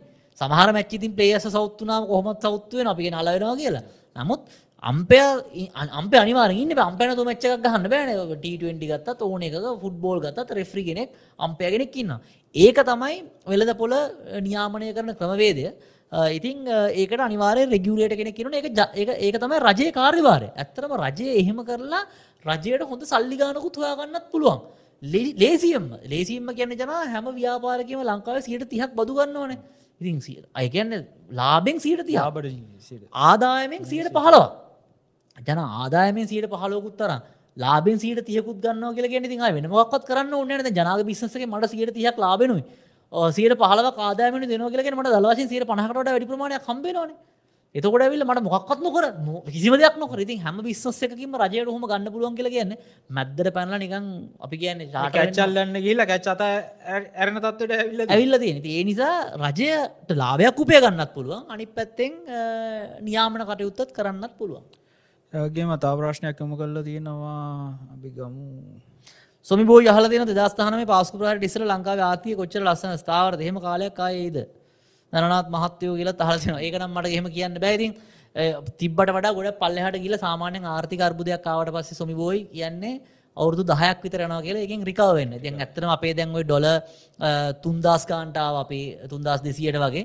අපේ හාරදස් කනංවල තිබුණේ. ඉතින් ඔය සාමාන්‍යවර සරල කැල්කිලේෂන් ඇතින අපිතමක අර ඉන්වස්මන් කරන කට්ටිය ජන කැල්කිලේෂන් ඇතියෙන මගේ රුපියල් සීයක් තියෙනවන රුපියල් සිය දෙගුණයක් කියන්න කොච්චර කාලයක් දෙන්න කියලා පොලි අනුපාතයත් එක් ගත්තර පසේගෙන පොලි අනුපාත හරි අපිම ආර්ථිකය දෙගුණ සියට දෙක ගානන වර්ධනය වෙන්නේ අවුරුදු කියක් යයිද මගේ ආර්ථික මේ තියෙනව ගාන වගේ දෙගුණයක් වෙන්න. ඒකට සාමාන්‍ය කරන හැත්තෑව බෙදනවා ප්‍රතිශතය එතකට සාමානයෙන් සියට දෙක වර්ධනයක් නම් තියෙන්නේ මගේ ආර්ථිකය දෙගුණ වෙන්න අවුරුදු තිස්පහක් යනවා. සියට තුනක් වුණොත් එහෙම හැත්තෑව බෙදීම තුන අවුරුදු විසි ගානක් යන ඕක තමයි කැල්කුලේෂන ඉතින් අපේ දැනට ආර්ථිකය අපේක්ෂා කරන්න සියට දෙකේ තුනේ තමයි අපේක්ෂා කරන්න. එක හැම අවුද්ධ මේ ගාන්ට වර්දන තකොට හැම අවුද්ධ අවුරුදු දෙක තුන ගාන යොත්තම අපට මේ දොල එක පුද්ගල ආදායම ඩොල තුන්දස් ගාන තියෙන්නේ. ඕක හයදා හද්දහ වෙන්න ජනා සීර තුන ගාන තිබොත් එහෙම ඉතින් හැත්ත පහ බෙදීම තුන. එතකොට අවුදු විසිගානක් යනවා දළ වශයෙන් මේ සිට තුන ගාන ඒක අපි නිතරම කියෙන ආර්ථිකය සියට පහකින් හයකින් වර්ධනය කරන්න ඕන කෙලකොද අපිට සියට හයක වගේ ආර්ථික වර්ධනයක් තියාගන්න පුළුවන්න නැත්ත සිට හතක වගේ ආර්ථික වර්ධනයක් තියාගන්න පුළන් අවුරුදු දහයකින් වගේ අපිට දහයකින් පහලවකින් අපිට අපේ ආදායම ඩබල් කරගන්න පුළුවන්. අවුරුදු පහක් දහයක් අපි සියට හතේ ආර්ථික වර්ධන වේගේ ගියානම් අපිට ඉක්මට අපේ සයිස්සක ඩබල් කරගන්න පුළුව මහිතන් අපි කලනුත් උත්තරදව ප්‍රශ්නයක් කහල තියෙන මේ ප්‍රතිවීගත කරනය තුළින් බැංගු පද්දිරට මොනගේ හානියක් සිද්ධ ති ඔවු. ඒගේ කියහානි කීපයක් වෙන්න පුළුවන්. එකක් තමයි හානිකීපයක් කියල කියන්නේ බැංකෝල තියෙන ප්‍රශ්නම ජන දැනටමත් ඒගොලො ඩොලර් වලිනුත් ආණ්ඩුර නයිදිල තියෙනවා. රුපියල් වලනුත් නයිදිල තියෙන ඩොලර් වලින් නෑදීල තියෙන අර අන්තර්ජාතික සෛරී බැඳුම් කර මිලදී අරගෙන. එතකොට අනිවාරෙන්ම බොන්්හෝල්ඩස්ලට දෙන ට්‍රීටමන්ට් එකම බැංකුවලටත් ගන්න වෙනවා. එතකොට බොන්්හෝල්ඩස්ලගේ නය සිට පණහක් කපනවන බැංකුවලත් සිට නයම් පණහක් කැපෙනු එත කවුරු හරි ඒක සාමාන්‍ය ජනතාවට බලපාන්න නමුත් බැංකුවල ස්ථාවරත් එරිතින් එක බලපානවන. ගොළගේ වත්කම්බල විදියට තියෙනෙන්නේ ඔය බොන්ස් ඒ බොන්ඩලින් ආණ්ඩුකම අපි දැන් ඕගොලොන්ගේ සිය රුපියල් සියක බොන්ඩ ඩොලර් සියක බොන්ඩ ඇතිරන අපි කෙන ඩොලර් පණහයිකුවාම වත්කම් වලින් භාගයක් කපන්න වෙන. වත්කම් වලින් භාගයක් කැපට බස්ස බැංකුවල ස්ථාවර මට්ටමට ප්‍රශ්නයක් න ඒ වනට තමයි එකක ටූල්ස් තියන ටූල්ස් කියලගෙන සමහර කට්ටිය ඒ බො ඒගැන ඒ බොන්්ඩ එක සීට පණහක් වන අලුත් බොන්්ඩ එකක් ඉශූ කරනවා. කාලෙ වැඩි කරලා. ඒ වගේ ඒක ක්‍රම තියෙනවා ඉතින් ඕක කරන්න. අනි පැත රුපියල් නය ගොඩක් වෙලාට මට හිතන විදිට අපි කලනුත් කිය දෙෙන මැචුරට එක්ස්ටේෂන් එකත් තමයි කරන්න. එතනදිත්තර බලපාන්න බැංකුවල එකන වත්කම් ප්‍රමාණයක් තියෙන්න්නවන බැංකුවල මේ ගනුදන ඔපරේෂණ එක යන්න. සහ ලික්විඩි ප්‍රමාණත්තම් මුදල් අර ද්‍රවිශේල ප්‍රමාණයක් තියෙන් නොනතින් ඒක ද්‍රවශීතාවේ නම් මහබැංකොට සපයන්න පුළුවන්. නමුත් වත්කම් ප්‍රමාණය රඳවගන්න එක තමයි තියෙන අභියෝගය. ඉති ඒක නිසා තම අපි හැමෝම බලන්ඉන්නේ මොකක්ද කරන මූලික වශයෙන් දෙන ඩෙට්‍රීටමට එක කියලා. ති බැංකුවල මූලික වශයෙන් වෙන මොකටත්න්නේ බලපාන්නේ. බැංකුල ස්ථාවර මට ස්ථාවරභාවයට බලපාන්න තියන්නේ. ඉති ඒක බලපානක නවත්තන්න තම හැම දෙයක්ම කරන ස්ථාවරභාවය කලෙන ජනතාවට යම්කිසි අවිශ්වාසයක් ඇති වුණොත් යම්කිසියකින් බැංකු පද්ධතිය ගැන.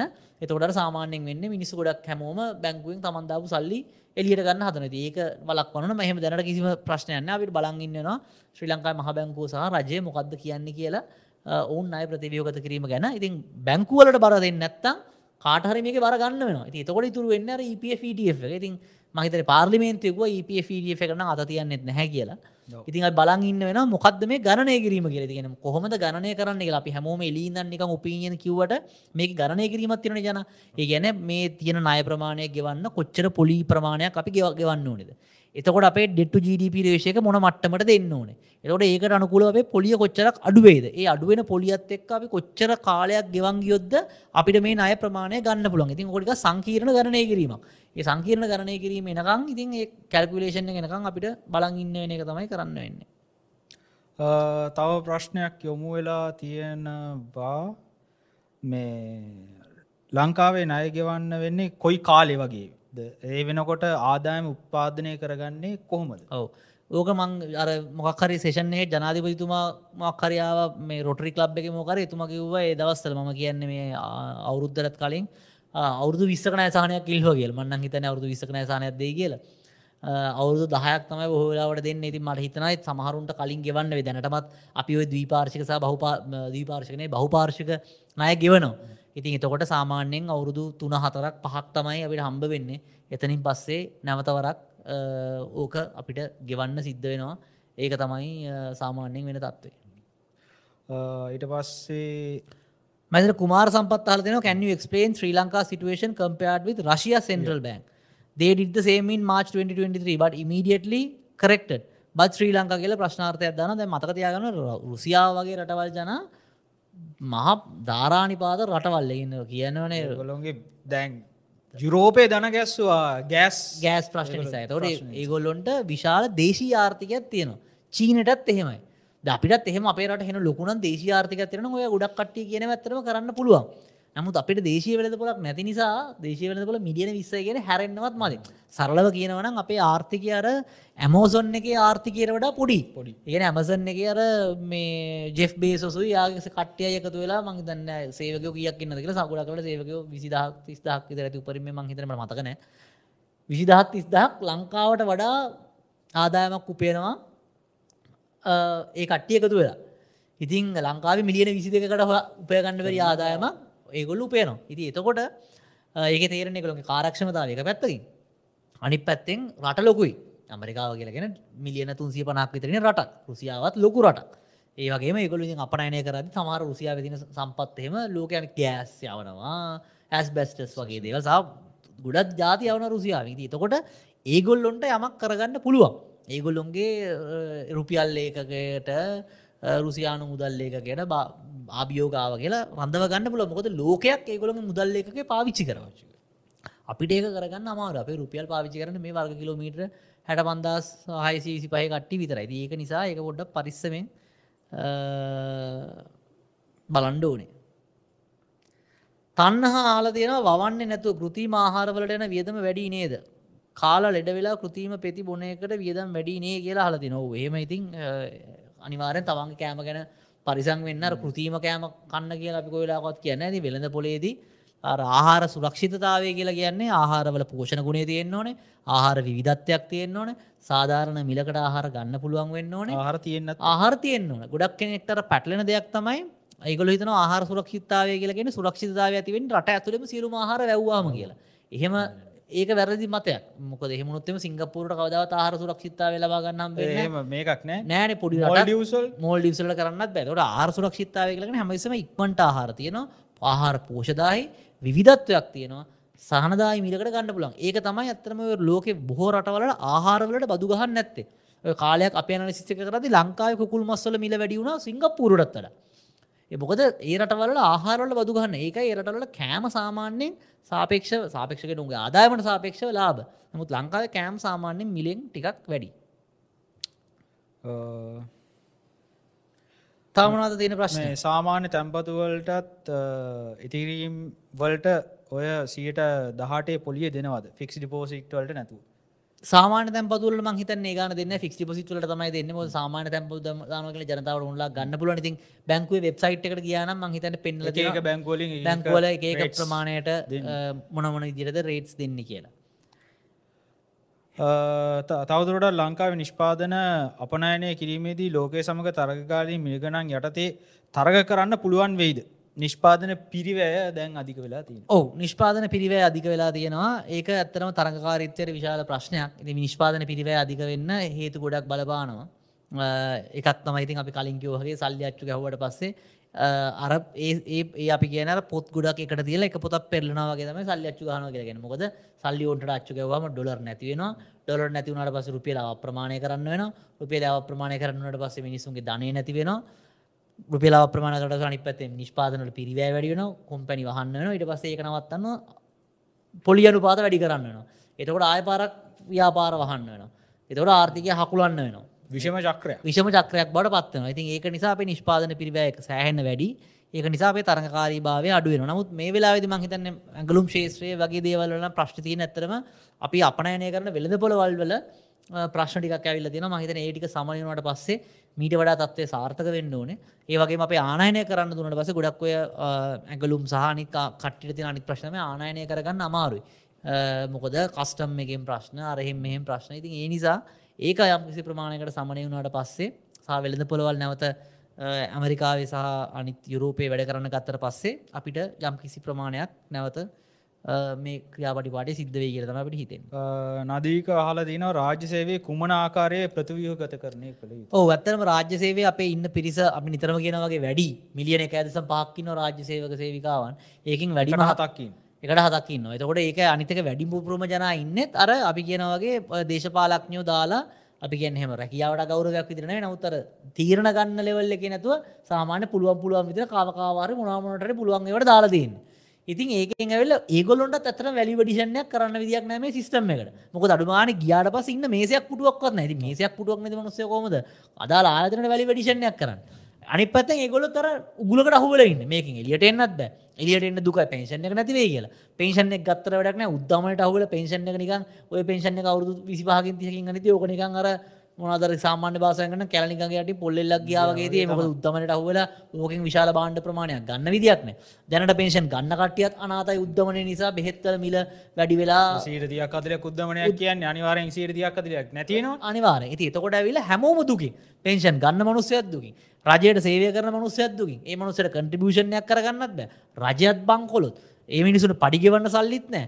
ඒක නිසා මේක කවරුත් දිනන්න ඇති හැමෝම පරදින සෙල්ලමත්තම යෝග ඉතින් ඇත්තරම ඊට වඩා පුද්ගලිකංශය වැඩ කරන්න කියන හොඳ ඉන්ශුවරන්ස් කීම එකක් දැම්මන ජන පෙන්ෂන් ෆන්ඩ් එක ඇත්තරම රජයෙන් හම්බෙන පෙන්ෂන් එක වගේ හතර පස්කුණයක් ගන්න පුළුවන් උද්ධමනයට හෙච් කරලා.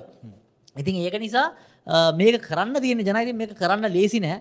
එකක් තමයි මුලින්ම වරස එකක් දෙන මොද ලංකාව තින කම්කරු නීතියනුව සහ රජය තියෙන නීතිරීති අනුව කාවත් ඉවත් කරන්න ලේසි නෑ. ඉති එතකොට ඇවිල්ලා අනිවාරෙන්ම අපිට සිද්ධ වෙනවා වරස එකක් දීලා කැමති කට්ටියට යන්න කියන්න. තව කටියට පාට්ටයිම් වැඩ කරන්නගෙන සමහරායතන අඩුමගන වහල සමහරුට ගෙදරතියම් පඩි දුන්නත් ලාබයි මොකද ඕට ඒකළොගේ වාහන ලබන්ස් කන්තෝරු නඩත්තු කරන්න. එයාව ඒවයි ඒසි ඒවයි කැන්ටින් නඩත්තු කරන්න. ඔයොක්කොම ගත්තරවසේ ගෙදර තියල පඩිය විතරක් මූලික පඩිය විතරත් දුන්න සමහරේව ලාබයි වැලි වැඩිෂන් එකක් වෙන්න නැතිඒවා ඉතින් මහිතන හැමෝට මේ අවස්ථාව දිල ඒවගේම හැබැයිති ඒ කරන කට්ටියට අමතරව රැකිය ඔය හොයාගන්න අවස්ථාවත් දෙන්න නොද මේ වෙලා රැකියා ප්‍රමාණ ඉතාමත් මඩුයි. ආර්ථිකය හැකිලනවන. ආර්ථිකය ප්‍රසාරණය වෙනත් එක්කම ඒගලුන් දෙන්න අනි පැත්තේ ලංකාව ලොකු ලේබ ෂෝටේජ්යකුත් තියන මේ වෙලා මේ ප්‍රතිසංස් කරන කරන මොකද? ගොඩක් හැකියාව තියෙන කට්ටිය එලියට යනවා. එතකොට ඒ වේකන්සි යම්ප්‍රමාණයක් ඕපන් වනාට පස්සේ සමහර කර්මාන්ත වැහෙන හින්ද සමහර රැකියා හෙම්පිටිම නැති වෙනවා. නමුත් වේකන්සිස් ප්‍රමාණයක් ආවට පස්සේ මේදේ කරන්න පුළුවන්. ඉති ඒකට ක්‍රිය අනුපිය පිළියලත් තියෙන මුලින්ම වර්ක් ඔඩිට් එකක් කල්ල බලන්න වෙන කවද අත්‍යවශ්‍ය කවද අත්‍යවශ නැත්ත කියලා. අත්‍යවශ්‍ය කට්ටියව තියාගෙන අත්‍යවශ්‍ය නොන කට්ටියට විල්ල යම් කිසි අවස්ථාවත් දෙන්න ඕන ඉවත්වෙන්න පලවිනි අවස්ථාවද. ඉවත්වනේ නැත්තම් දෙවනි රෝමට යන්න තුන්ගෙන රෝමට තමයි සාමාන්‍ය වන ක්‍රියාපටිපාටිය හැබැයි මෙතනද මගේ නම් අදස ජන ඔය තීරණ ගන්න රජයේ සේවක සේවික මහත්තුරට පඩිත් මදි. බොරු කියන්න ඕන්නෑන එකන මොකද අනවශ්‍ය කට්ටිය ගොඩක් දාලා පඩි වැඩි කරන්න විදික් නැත් ඇත්තරම අවශ්‍ය කට්ටියගේ. යන උදාහරනැකතන මුදල් අමාත්‍යංශ ලේකම්තුම. අපි ගත්තොත් එහෙම අපේ විදේශ කටයුතු අමාත්‍යංශ ලේකම්තුම. ඒකට ඇවිල්ල බොහොම දක්ෂ සුහුරු නිලධාරීන් වෙන්න නති ගොලොන්ට ජනා මේ රුපියල් හැටදයි හැත්තදයි පඩියට ඇත්තරම එහෙම කවරුත් වැඩ කරන්නේ නෑනිතින් එච්චර එතකොට වෙන්න හොරකන් කරන්නත් බලපාන. ඉදි ඒක නිසා ඒගොලට පඩි යම්ප්‍රමාණයකට අනිවාරෙන් වැඩිවෙන්න ඕන. හැබැයි වැඩි කරන්න ඉතින් කාට සල්ල අච්චු හල දෙන්න බෑන ඉතින් අර අඩුවෙන කට්ටියක ඉතුරුවෙන සල්ලි තමයි මේක යමු කරන තොට දෙපැත්තම කාරක්ෂමතාව වැඩින දැන්ඇවිල අනි පැත්ත වෙන්න. ඒගොල්ල කාරක්ෂමත් නෑ ඒකට හොඳ කට්ටිය ඉන්නෙත් නෑ ඒකට ඇමතිතුමා කට්ටිතම පත් කරන්නේ. අනි පැත්තෙන් පල්ලෙහයින්න කට්ටිය සන්තෝසත් නෑ. ඒගොල්ලොත් උගුලකට හිරවෙන්න කවුරුත් සන්තෝසනය හැමෝම පරදින නමුත් අර ක්‍රමේදිය විල්ල හැමෝම දිනන්න පුළුවන් ක්‍රම හැබැම මේ කියන එක කියන තරන් සරල නෑ. ඉතින් මෙහම කරද මිනි ශ්‍රී දෙනවා රස්සාාවක් නැතිනවා කියලා ගැන්න ඉතින් කේන්තියන වැඩක්නේ ඉතින් ඒ නිසා ඒ වගේ ප්‍රශ්න සහ බියෝගොල්ට මුණ දෙන්න සිදුවෙනවා. අමාලිය හල දෙන දැන්ටතින තත්වය අනු සුදු ආජන ක්‍රම මොනවාද කියලා. ඒ කරන ඉතින් අමාල අපිට හම ජුත්තර ඇද අමාරු. මොකද එකක්ෙනගේ ආයෝජන අපි කෙනවන අපටයිට් වෙනස් කියල. සමහරු කැමති ස්ථාවරය ආයෝජනය කරන සමහරු කැමති ඉක්මට ගානක් කියක් කරවාගෙන මාකට්ටකින් එලියට යන්න. ඉතින් ඒවගේ ඔප්ෂන්ස් එකේව තියනවාගේ ස්කපටයිට් එකන කවුරට ආයෝජන කරන්න සුදුසු කෙනෙක් බලන්න කියලතම කියන්න තියෙන්නේ. ති මේ වෙලාවෙ තියෙන තත්ත්වයන් බලලා මාකට්ට ඇනලයිස් කල් කවරුප දෙස්තුන්නත් වාමානලයිස් කල්ල බලලා තීරණයක් ගන්න පසාහල දින විදේශ මුදල් අගේ මේ විදියට අඩු කරන්න පුළුවන් නම් කොරියාවගේ රටවල්ල ඇයි තාමත් ඩොලර් එක වොන් එක්දස් තුන්සියක් වගේ ගෙවන් ඕ ඒකට ප්‍රධාන හෙල්තම ගොඩක් ඔය අපනෑන ආර්ථික රටවල් රුපියල් අපිගන්න ගෙන ගොළොන්ගේ දේශී එකක යම්කිසි තරඟකාරී මට්ටමකට ප්‍රිෂේට් වෙන්න දෙන්න යම්කිසි ස්ථාවර මට්ටම කෝ ඩිප්‍රිෂේට් කළ තියෙන්නේ. තකොට ද වියට්නාම ගත්තත් සෑහෙන්න ඩොලරකට සාපක්ෂව ලොකු ගානත්තම ඒගොලුන් එක්ෂේන් රේට් ඒකට හේතු තමයි තොට අපනයනකරුවන්ට දිරිගත් ගන්න ඒක තමයි කොරියාව වියට්නාමේ අපනයන කේන්ද්‍රය ඔය කතන්දරම චීන යම් කිසි ප්‍රමාණකට නම චීන තියෙන මොඩල්ල එක වෙන සම චීනය ඇත්තරම බොහෝදනෙක් තන චීන සමාජවාදී කියලා. චීනය බොහොම වෙළඳ පොලත් එක් යනක්‍රම තියෙන එකම තියෙන්නේ රජය ඇවිල්ලා කරන්න දීල තියෙනවා. ඒගොල්ලොන් කරන ව්‍යාපාරවල්ට කරගෙන යන්න දීතකට තමයි චයින මර්චන් චයින පෝත් සිටිය ඕම ඇවිල්ලා ඒ රජයම කට්ටිය තමයි ඇත්තරම ඇවිල්ලා ව්‍යාපාර කරන නමුත් ඒකල වෙළඳපල ක්‍රමය මත යන එක ඇතරම චීනය ෂෙන්සෙන් කියන ප්‍රාන්තය දියුණු කරේ ඔය ලං ඇතම පෝත්සිටි සංකල්පය පෝත්තිරන ඇතම ස්පේෂල් ඉකොනමික් සෝන් එක. ෂෙන්සෙන් වලින්ම පටන්ගත්ත කියලා කියන ඇතරම දැන්ගෙන ජනාතිපති චීන ජනාතිපති ශීජින් පින් මහත්මයාගේ පියාණන් මං හිතන ඉන්න කාලේ තිබ ප්‍රධාන ප්‍රශ්නයක් තමයි මිනිසු චීනීදල හොංකොන් වලට පිනල යන පීන්ලයන පැන්ලයන පැනල යන මේ අතකට චීන හමුදාව වැඩි තියෙනවා. ඉතින් මේකට අහුවට පස කියල තියෙන එකමදේ කරන්න කිසි දෙයන්න ඔය මිනිසුන්ට වැඩිතිීදිලටන්න හොංකොන් එක චීන හදන්න කිවල ඉතින් හොංකොන් එක චීන හදන්න වෙළඳපල ක්‍රමයක් ඇති කරන්න ඉතින් ඒක තමයි ශෙන්සෙන් වල ඔය නිදහස් වෙළඳ ක්‍රමය ඇති කරේ. ඉතින් එතකොට ගොඩක් දෙන කියන කතාවද සිනෝපෙක් එක රජය ආයතනයක් ඒකොලට රජයට කරන්න පුළුවන. ඇය අපිට කරන්න බැරි ඔයගේ ප්‍රශ්නයකුත් මේ අහලත් තියෙනවා ඇහිලත් තියෙනවා ගොඩක් දෙන කානො මේ ඕකටත් මහිතන්නේ මූලික කරුණක් වෙන ඕක. ඒකොල්ල පාචි කන මොඩල්ල එක සම්පූර්ණය වෙනස්. අනිවාර අනිතක සිනෝපෙක් එකේව මේවා එකක් කොටස්වලද පොල ලයිස්තුකත කරල තියෙන්නේ. එක පැත්තකින්. එතන පලේස්ලත් ගොඩක්කින්න ප්ලේසත් ගොඩක් අර BP සහ ලෝක ඉන්න ප්‍රධාන තරඟකරුවන් යුරෝපය ගොළොම තරහ කට්ටියත් ඇවිල්ලා චීන වෙළඳ පොලේ තරඟ කරනවා තෙල්වලට ඉතින් ඒක තමයි තරඟකාරිත්තය මතින් තමයි ඉස්සරහට ඇවිල්ල තියන්නේ. ඊට පස්ස මේ බ්‍රික්ෂක් ගැන අහල දිනවා බ්‍රික්ස් මුදල්ලය එකක් එයිද? සහ ලංකාට කොහොම බල පයිද කියලා? ඔවු. මන්නන් හිතන්න ජන ඔය දැන් අපේ ඇත්තරම අපි නිතරම කරන ඒකාධිකාර හොඳනෑ කියලා. අපේ දැනට මුදල්වලට ඒකාධිකාරයන තියෙන රුපියල් තමයි අපේ ඒකාධිකාරය මුදල ඒකාධිකාරය තියෙන ශ්‍රී ලංකා මහබැංකුවට ඉතින් මට්නම් හිතෙන්නේ ඒකාධිකාරී බව බිඳින එක හොඳයි. ඒක කෙනවන නවත් මතක තියාගන්න බ්‍රික්ෂගේ තියෙන රටවල්ලත් මුදල් එක එච්චර හොඳ නැති නිසා තම ගොල්ල එකතු වෙලා තියෙන්නේ. බ්‍රසීලය ඔක්කොම ඇවිල ලතින් අමරිකාන රටවල් තියෙන සෞත සෞත ෆ්‍රිකාව අප්‍රිකාවට වැටෙන්නේ. සහ එච්චර ස්ථාවර නැති එකක රුසියාවසා චීනයක් තින්නවා නමුත් ඔන්නර ඇමරිකාන මුදල්ලේකයට ෆයිට් එකක් දෙන්න තමයි හදලා තියන්නේ. පොල්නේටවක් විදිර හැබයි ම හිතන්න මෑතකදී ලොකු වෙනසක් වෙයි කියලා. කාලයක් ඇති තරගයක් දෙන්න පුළුවන් මේ සමහර වෙලාවට. නමුත් ඔය වැඩේ මුණට යුරෝ එක හැදවා. නමුත් තිරපසේ දැන් එංගලන්ද යුරෝ කරන් සිතින් හැම එකම් ඕල්ටනටක් විදි හරිට ඉතින් ඒක නිසා තරගයක් තියන මත් හිතන්නේ මොක තකට පුළුවන් උද්දමට අහුවන්න කරන්සියකින් මගේ වත්කම්ටිකට සේප් කල ජබෝද රුපියල් ලිතු කර මනුස්සේ සම්පූර්ණය අනාතයි ලංකාව ඩොලර් වලින් අර මෙවැන් ගිරුම් විවෘත කරන්න බෑ. ඉති ඒනිසා අත්තරම අපිට පුළුවන්න අපි කැමති මුදල් ඒකකින් සපේ වත්කම ඉතුරු කරන්න. එතකොට ඔය උද්ධමනය අඩු වෙලා ඒ වගේ නමුත් ඒක ඉතින් ටිකක් සංකීර්ණ ප්‍රතිසංස්කරණය නමුත් එහෙම එනවනම් මං හිතන්නේ වඩා හොඳ නමුත් දත්ත බලට පස ඇත්තරම තාමත් අමරික එක් ජනපද ඩොලක තම වැඩිපුරම ගෝබල් ට්‍රේඩ් වලට පාවිච්චි වෙන්නේ. නමුත් මහිතන බ්‍රික්සකට හොඳ තරගයක් දෙන්න පුළුවන් වේ කාලානු රූපීව ඉන්දියාව රුසියාව චීනය සෞත ඇෆ්‍රිකාවසා බ්‍රසීලය එකතු වෙලා යම් කිසි ෆයිට් එකක් දෙන්න පුළුවන් ඒකොළොන්ට ස්මාර්ටිම්නස්ට හලදිනවා බහුභාර්ෂික විදේශනය ප්‍රතිවයගත කිරීමට ලක් නොවන නිසා ඉදිරි කාලසීමාවේදී ගෙවීමට තිබෙන බහුපාර්ශයක ණය ගෙවීමට හැකියාව ලැබේ විද ඔමංහිතන ඒක ගෙවන්න පුළුවන්. මොකද අප සංචිත ගොඩනගා ගන්නේ ඒක යම් ප්‍රමාණයකට ගෙවන්න. සහ බෞපාර්ශක නය කෙටි වාරිකවලින් තියෙන්නේ. ඒ නිසා මංහිතන ඒක ගෙවා ගන්න පුළුවන්. ඒක ගෙවාගන්න බැරිවුණ අපට ඔප්ෂණ එකත්තින ගොඩක් වෙලාවට. ඔවුන් තවනයක් දෙනවා එන ක්‍රමක්‍රමයෙන් ගෙවාගෙන යන්න. ඉති ඒ නිසා ඒ ඔප්ෂන් එකත් ඔවුන්ට බොහෝ වෙලාවට හම්බ වෙනවා. ඒක හරා මහිතනද අපි පෑකට ආසන්න කාලයක් රැදිශල්ල තින තවත් මේ එක ප්‍රශ්නයක් අපි කියනවා මේ වෙන රටවල්ලත් වාහන ආයනය කිරීමති මේ වගේ ඉහල තීරු බදු ගහනවත් ඔව්. නැත්තන් ලංකාව විතරද? ඔව්. නෑ සමහරටවල ගහනවා. දැන් එක රටවල එක ක්‍රමතිය සිංගප්පූරය වගේ වාහනයට වඩා ගනම් වාහනය ගන්න ලයිසන් එකක් ගන්න ඕන. ලයිසන් එක ගන්න ලේසින ලයිසන් එක නැතුව වාහනයක් ගන්න බෑ. නමුත් ලෝක හැමරටකම හෙම ඔච්චර නම් මං හිතන්න ගහනුවන් කියල බදු ඒක ජනා ගොඩක් දෙනට තේරෙන් නැති දෙයක් තමයි වාහනයකට ඔච්චර බදු ගහනවා කියලා කියන්නේ අපි මනුස්සයගේ ජීවිතය ඔය ගොඩක් වෙලාවට ගොඩක් දෙනට ජීවිතය මුලින්ම වරදින්න එක හේතුවක් තමයි ඒක වරදින්න එක හේතුවක් කියලා කියන්නේ අපිට යම්කිසි ආදායමක් ලැබෙනවත් එක්කම අපි කරන්න ටක්ගාල කියල වාහනයක් ගන්න. එතකොට ගන්න පා කියෙනක නෙේ කියන වාහනයක් ගන්නවා කියන්නේ ජන අපි වාහන තුනක සල්ලි ගෙවනවා.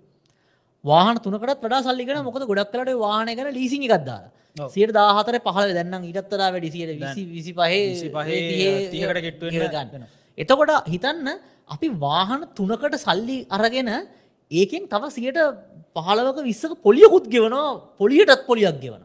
එතකොට ජන මම ඇවිල්ල හිතන්න කොය මම තනිවාහනයක් ඕකට බද්දක් තිබ්බ නැත්තන් ඇත්තරම මම ගෙදර තනිවාහනයක් වෙනුවට වාහන තුනක් කරන්න යන. වක්‍රාකාරෙන් ජනයක තේරුම තමයි මම වාහන දෙකක වැඩිපුර සල්ලි කියලා කියන්නේ මම මගේ අධ්‍යාපනයට මගේ වෘතිය දියුණුවට හරි වෙනමොනට හරි දාන්න තිබ සල්ලිතමයි ඔය වාහනයකට හිර කරන්නේ. එතකොට අපේ ආර්ථිකය හැකිරෙනවා මොකද මම වෙන කොහිට දාන්න තිබ සල්ලිවලට පොලිගවගව මේ තනිවාහනයකට ගෙවනවා. එතකොට ඇවිල්ල තව කරන්න තියන දේවල් තම අඩුවෙන් ඕකයිල හොඳම දේතම අපි ගයක් හදන්න ගනිද්දි අපි යකඩවලට අරවට මේවට බදු විදියට සියට පණහක් කටක් වැඩිපුර ගෙවට පස්සේ අන්තිමට ඒකින් ඒක ලංකාව හැමතනම අර පන්සල්සා ගෙවල් හැමදෑම හදන්නේ. කවදාව තිවර කරගන්න හම් වෙන්න කර්ටන් එක දාගන්න වෙන්න පෑන්ට්‍රි කබට් ගහගන්න වෙන්න ටයිල් ටික කරගන්න වෙන්න කපරාරු කරගන්න වෙන්න ඇයි? මම ගෙදරකට ගෙවල් දෙක සල්ලි දාලා.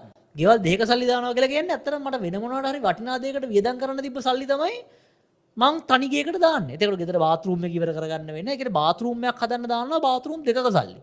එතකොට ඇවිල්ල ඇතරම හිතන්නක බාතරුම් එකක් හදන සල් බාතරුම් දෙක සල් එක බාතරුම් එකට දැම්ම කියලා කියන්නේ. ගෙදර බාතරුම් දෙකක් තියෙනවන සම්පූර්ණයෙන් ගාන ඩවලන ඉති එතකොට ඒක නිසා තමයි ආර්ථිකය හැකිරෙන් ඒක අපි නිතරම කියන්නේ වෙළඳපොල ක්‍රියාත්ම කරනගේ බදු අරම වඩු කල්ල ඇත්තරම ඉස්සරහට යන්න පුල නමුත් ලංකාව ගොඩක් කට්ටිය හිරවෙන්නේ ඒගොලොගේ සිහිනය නිවස සහ වාහනය ගාව හිරවෙනවා මොකද ඒක හිරවෙන්න ඔවුන්ටත් නොදනුවත්ත මොකද ඔවුන් ඇවිල්ලා තවත් දේවල් තුනහතරක වියදන් කරන්න පුළුවන් සල්ලි එක තැනක හිර කරනවා. එතකොට හිර කරනවත් එක්ක ඉස්සරහට යාගන්න බැරි වෙනවා. එහෙනම් අපි අද තව ප්‍රශ්න? ප්‍රශ්න ඔවු මංහිතන්න වෙනටවලත්වා ඒක අපි ගත්තා. Can you explain the reason behind the stock market downfall and possible future predictions? ඔ ස්ටොක් මාකට් එක ගැන කියන තියෙන ස්ටොක් මාකට් එක කියන ලංකා විතා සුළු ප්‍රමාණයක් ලංකා මුළු වෙළඳ පරමණ මේ වෙන්න නම ස්ටොක් මාකට් එක ඉතින් සෙන්ටිමට එකනු තමයි යන්න. ඉතින් නය ප්‍රතිවියගත කරණය වෙලා ආර්ථිකය වර්ධනය වෙනවා කිය දැනගත්තර පශ්තම ස්ටොක් මාකට් එකට මිනිසු සල්ලි ඇදලා දාන්නේ. ඉතින් කඩාවැටනොත් වානා කිවොත් එහෙම. ඕවනවා පුසොක් මාකට එක වාන කඩා වැටනගොත්තේ ඉන්න මිනිස්සු සල්ලි දාන්න මදන දැනටමත් සමාර කට්ටි සල්ලි අරගෙන ගිල් ඉති ඒ නිසා ඒවගේ දේවල් අ, කියන එක හොඳ නෑ ඒති ඒකත් එක හේතුවක්. Uh, excuse me sir, lot of people are saying that after the Sinopec enter to a fuel market, the dollars will go, be, uh, go out from the country. Can you explain about it? දැන් ඇවිල්ලා ඕ මේකත් අහන ගොඩක් කට්ටිය සයිනෝපෙක් කඩවස dollar ලිටනද කියලා. සයිනෝපෙක් එක නෙමෙයි කවුරු පෙට්‍රෝලියම් එක කරත් ඩොලර් වලින් එප තෙල් මිලදී ගන්න වෙන ක්‍රමයක් නෑ තෙල් දැන්ටත් එලියට යනවා දැනත් එලියට යන නවතර යන එලියට යන කියලන ඩොලර් වලට තමයි ගන්න පුළුවන්. සයිනෝපෙක්කාවත් ආරෙන් පාක්සාවත් කවරුවාවත් ඩොර් දීල තමයි ගන්න පුළුව අපේ උල්පත් නෑ. අපි උලක ඩොල් උල්පදක් නෑන. ඉති ඒක කවරු දුන්නත් ඩොලර් තමයි ඉතින් ඩොලර් ඒක ඒකට කරන්න අපි අපනයන වලින්සා රමිටන් සසරගෙන ඩොලරින් තමයි ගෙවන්න. ඉති ඒකවෙල්ල සයිනෝපෙක් කියල එකක් නෑ. කවරුවාවත් ඩොලර් වලින් හැ මෙත සයිනෝපෙක් කරන මහිතන එකකු නීති අදදා දෙෙන අවුරුද්දක් යනකං මගේ මතක නිවරදින නිවරදි කිරීමට යටත්ත නැවතවර නැවතවතාව අවුරුද්දක් යනකං ලංකා බැංකුවෙන් ඩොලර් ගන්නතු ඒගොල ඩොරවලින් තමයි තෙල් ගේ ඕන කිය නමුත් ඉති ගෙනල්ල ඒගොල විපුණවා හම්පෙන රුපියල් වලින් ඉති රුපියල්ටි අනිවාරෙන් ගිහිල්ල නැවතවරක් මහබැංකුවට හරි ගොලක බැංකුවට දුට පස්සේ ඒ බැංකුවෙන් ආයලිසි එක කෝපන් කරලා සාමාන්‍ය විදිරම ඩොර දීම ගෙන්න්න කරන එකල ඩොර එලිටනවා කියල කරන ති අපේ ආනයනය කරන අපි පාවිචි කරන ටීව ඕන එකකුත් එහෙමතම රුපියල් ගිල බැංකුව තැන්පත් කළ එල්සි එක කෝපන් කල එල්සියකට අදාල බාන්ඩ ටික ගෙනල්ල ඒටිකාය පාරවිකුණ රුපියල් ටික ගන්න ඉතින් ඕක තමයි වෙන ක්‍රියාපට ඇත්තටම එලියට යන්නේ සල්ලි අච්චු ගන්න පටන්ගත්තු හරිට හරි. සල්ලි අච්චු ගහන පටන් ගත්තොත් තමයි වෙන්න. තවන්දිම අලතින ලංකා බාණ්ඩකර බිල්පත්ල ොරින්ස්වන් වැඩිලා නේද කිය ඔවු. යම්පිසි ප්‍රමාණ කරලා ජන මොකද දැ මෙතන ඇවිල අර වල්ච ෆන්ස් කිය තිනන අපේ පොලි අනුපාත සියට විස්ස ඔහොම බාණ්ඩාකාර බිල්පත්තල දුන්නට පස්සේ සමහර ආයෝජක හිතනවා ඒගොල්ල අඩුමිලටන බැඳුම් කරහෙම කලින් ගත්තේ පොඩි ගානක් මේකට දාල බලමු. අඩුමාන රීස්්‍රක්ෂ වනත් පාඩුනෑ කියලා දහසක් කෙනවා මොකට පොඩ බැලන්ස්ද අතනින් නැතිවුණත් මෙතනින් ඒ ගාන අල්ලන්න අල්ල ගන්න පුළුවන්ගල විශේෂම අඩු මිලට මොකද අපේ බොන්සොක්කොම බොන්සා රෙෂරිබිල් සමහරේවා සෞත්තු මුණනේ ගැන්න රුපියල් සීට වටිනාකම තින ඉටතර ගොඩක් සියට වටින එක රුපියල් විස්සර තියට කවරට ගත්තනම් එයාට අත්තරම ආයිපාර ට්‍රෙෂරි බිල්ල එක සියට විස්ස පොලියට දාන එක දාල සියට පණහක හයාකට්ටක කාවත් මිනිහට ඒත් ලාබයි ඉතින් ඒක නිසා ඒ වාසිය ගන්න සමහර කට්ටිය දානව. ඒ මුදලු යම් කිසි ප්‍රමාණයක් ඇවිලතින ඒකත් එක හේතුවක් යසේල සුමන සිංහ කියන විදියට රුපියල අධි ප්‍රමාණය වෙන්න යම් කිසි මුදල් ප්‍රමාණයකුත් ඇවිල්ල තියෙනවා. තව පම් පොඩි අවසාන් කරන්න මේ මේක දැනුවත් කිරීමක් වශයෙන් ගන්න ප්‍රශ්නය මේ ක්‍රිප්ටෝ වල අදහස කුමක්ද කියල හල තියෙනවා. විජේසිංහ මහත්මයා ලංකාවේ අහිංසක මිනිසුන් රවට්ටන පිරමීට ජාවානම් කාරයෝ මේ මහබැංකුවෙන් හරි හමන් දැනුවත් කිරීමට නැති නිසා මේ නිදහස්සක් ලබාදීම නිසා මේ ක්‍රිප්ටෝ එක එකට ආයෝජනය කරන්න පෙළවෙලා තියෙන මේ ස්ටොක් මාගට් එකට වඩා මේකට පෙළවිලා තියෙන මේ දැනුවත්වීම නැති නිසා කියලා. මොකක්ද මේ මේ ගැන කියන්න? වනිවාරයම සාමාන්‍ය ජන ආර්ථිකය කමාරු වෙද්දී ඔය වගේ ජල්තර වැඩ සෑහෙන් මේකෙත් ඇහු ආජන අවස්ථ අමනාද කිය ඒක තමයි. ඒතකොට ඒතකොට ඒ කට්ටිය ඕක මේක කරන ඔයක විතරන්නේ ලොතරයි මණ්ඩලෙන් හෝන ජනගේ මේ දවසල ලොතරයිත් විකිරනවා වැඩි. මොකද මිනිස්සුට ඇකට පත අමාරුවේද මිනිසු තමන්ගේ ලක්ක හරි ට්‍රයි කරල බලන්න ලොතරයියක් හරි ඇදේ ගොමන්න රුපියල් විස්සකට කිය හරි දාන ඉති නිසාර අපි කියන්නේ ගිලෙන් ඉන්න වෙන තුත්තරික හරි එල්ලෙන වගේ තින් තමන්ට තියෙන හැකියාව අනුව ට්‍රයි කල්ල බලන්න මොකක් හරි චාන්සයක් වදී කිය ඉති එතකොඩාර ඒ වගේ පිරමීඩ එක එක ජාවාරම්මලට අහුවෙන්න්න පුළුවන් ක්‍රිප්ටෝ හරි මොනවාරි නොදන්න දේවල්ලට අද්දි පරිස්සමෙන් මොකද නොදන් මේ තත්ත්වය අමාරුනාම හැමෝම් බලන කොහෙන්ගරි ගානක් කපාගන්න ඉතින් ඒකත් වෙල්ලඳ පොලීම ආවාසනාවන්ත තත්ත්වයක්. ඉතින් ඒක නිසා ඒගන ඒකතම රෙගියලේටරි ඒජන්සි අනිවාරෙන් ආයමත් අර කියපු කතාවටම අනිවාරෙන් එහෙනම් බැපෑකට වැඩි කාලයක් අපි ලයිවගේ හිටිය.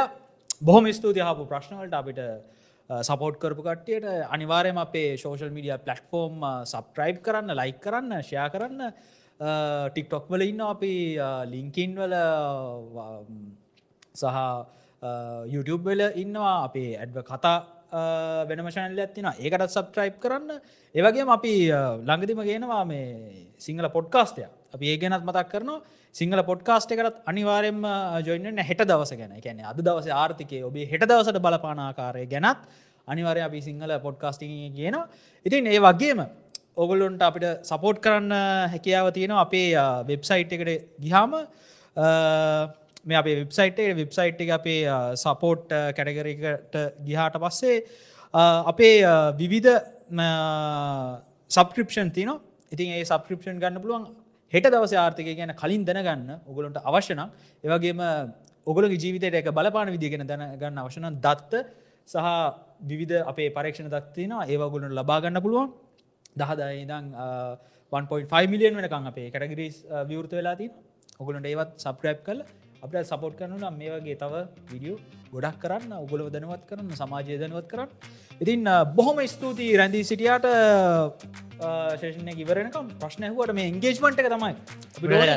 මේ මේ කතාව කතිකාවත ඇතිකවත් කරන්න ඔගොලම දැනුවත් කරන්න. අපි ඔගොල ඔගොල ප්‍රශ්නලු අපි දැනුවත්න ඇතකොට ඒ ප්‍රශ්නහනකොට අපි ගිල්ලේ රීසච් කරලා එකට අවශ්‍ය දත්ත ටික අපි ගන්න ඇති අනිවාරෙන් ප්‍රශ්නහන්න අපිට මැසේජ්ජත් දාන්න අපිට අනිවාරෙන්ම ඊගාව ශේෂණ එකටත් ජොයින්න්න කියලා ආර්නිතර ජන අපි කියන්නන දැන් අපි මේක කියන්නේ අපේ ජනතාවගේ ජීවන මට්ටම වැඩි කරන්න. තොට ඔගොල්ලුන්ට මේ අවබෝධනාට වසේ ඔගොල්ලුන්ගේ ආර්ථික තීරණ ගනිද්දී අවබෝධෙන් ආර්ථික තීරණ ගන්න පුළුවන්. එතකොට සල්ලි නාස්තිවන දේව ලවම කරගෙන තත්ත්ය බලලා ඔගොල්ලුන්ගේ ආර්ථිකය හදන එක සඳහා දායකත්වයක් විදිර තමයි අපි මේ ලයි වැඩසරණ කරන්නේ අපේ අපි දන්නද අපි දන්න නොදන්න දේවල් බොහොමයි දන්න දේවල් පුඩි.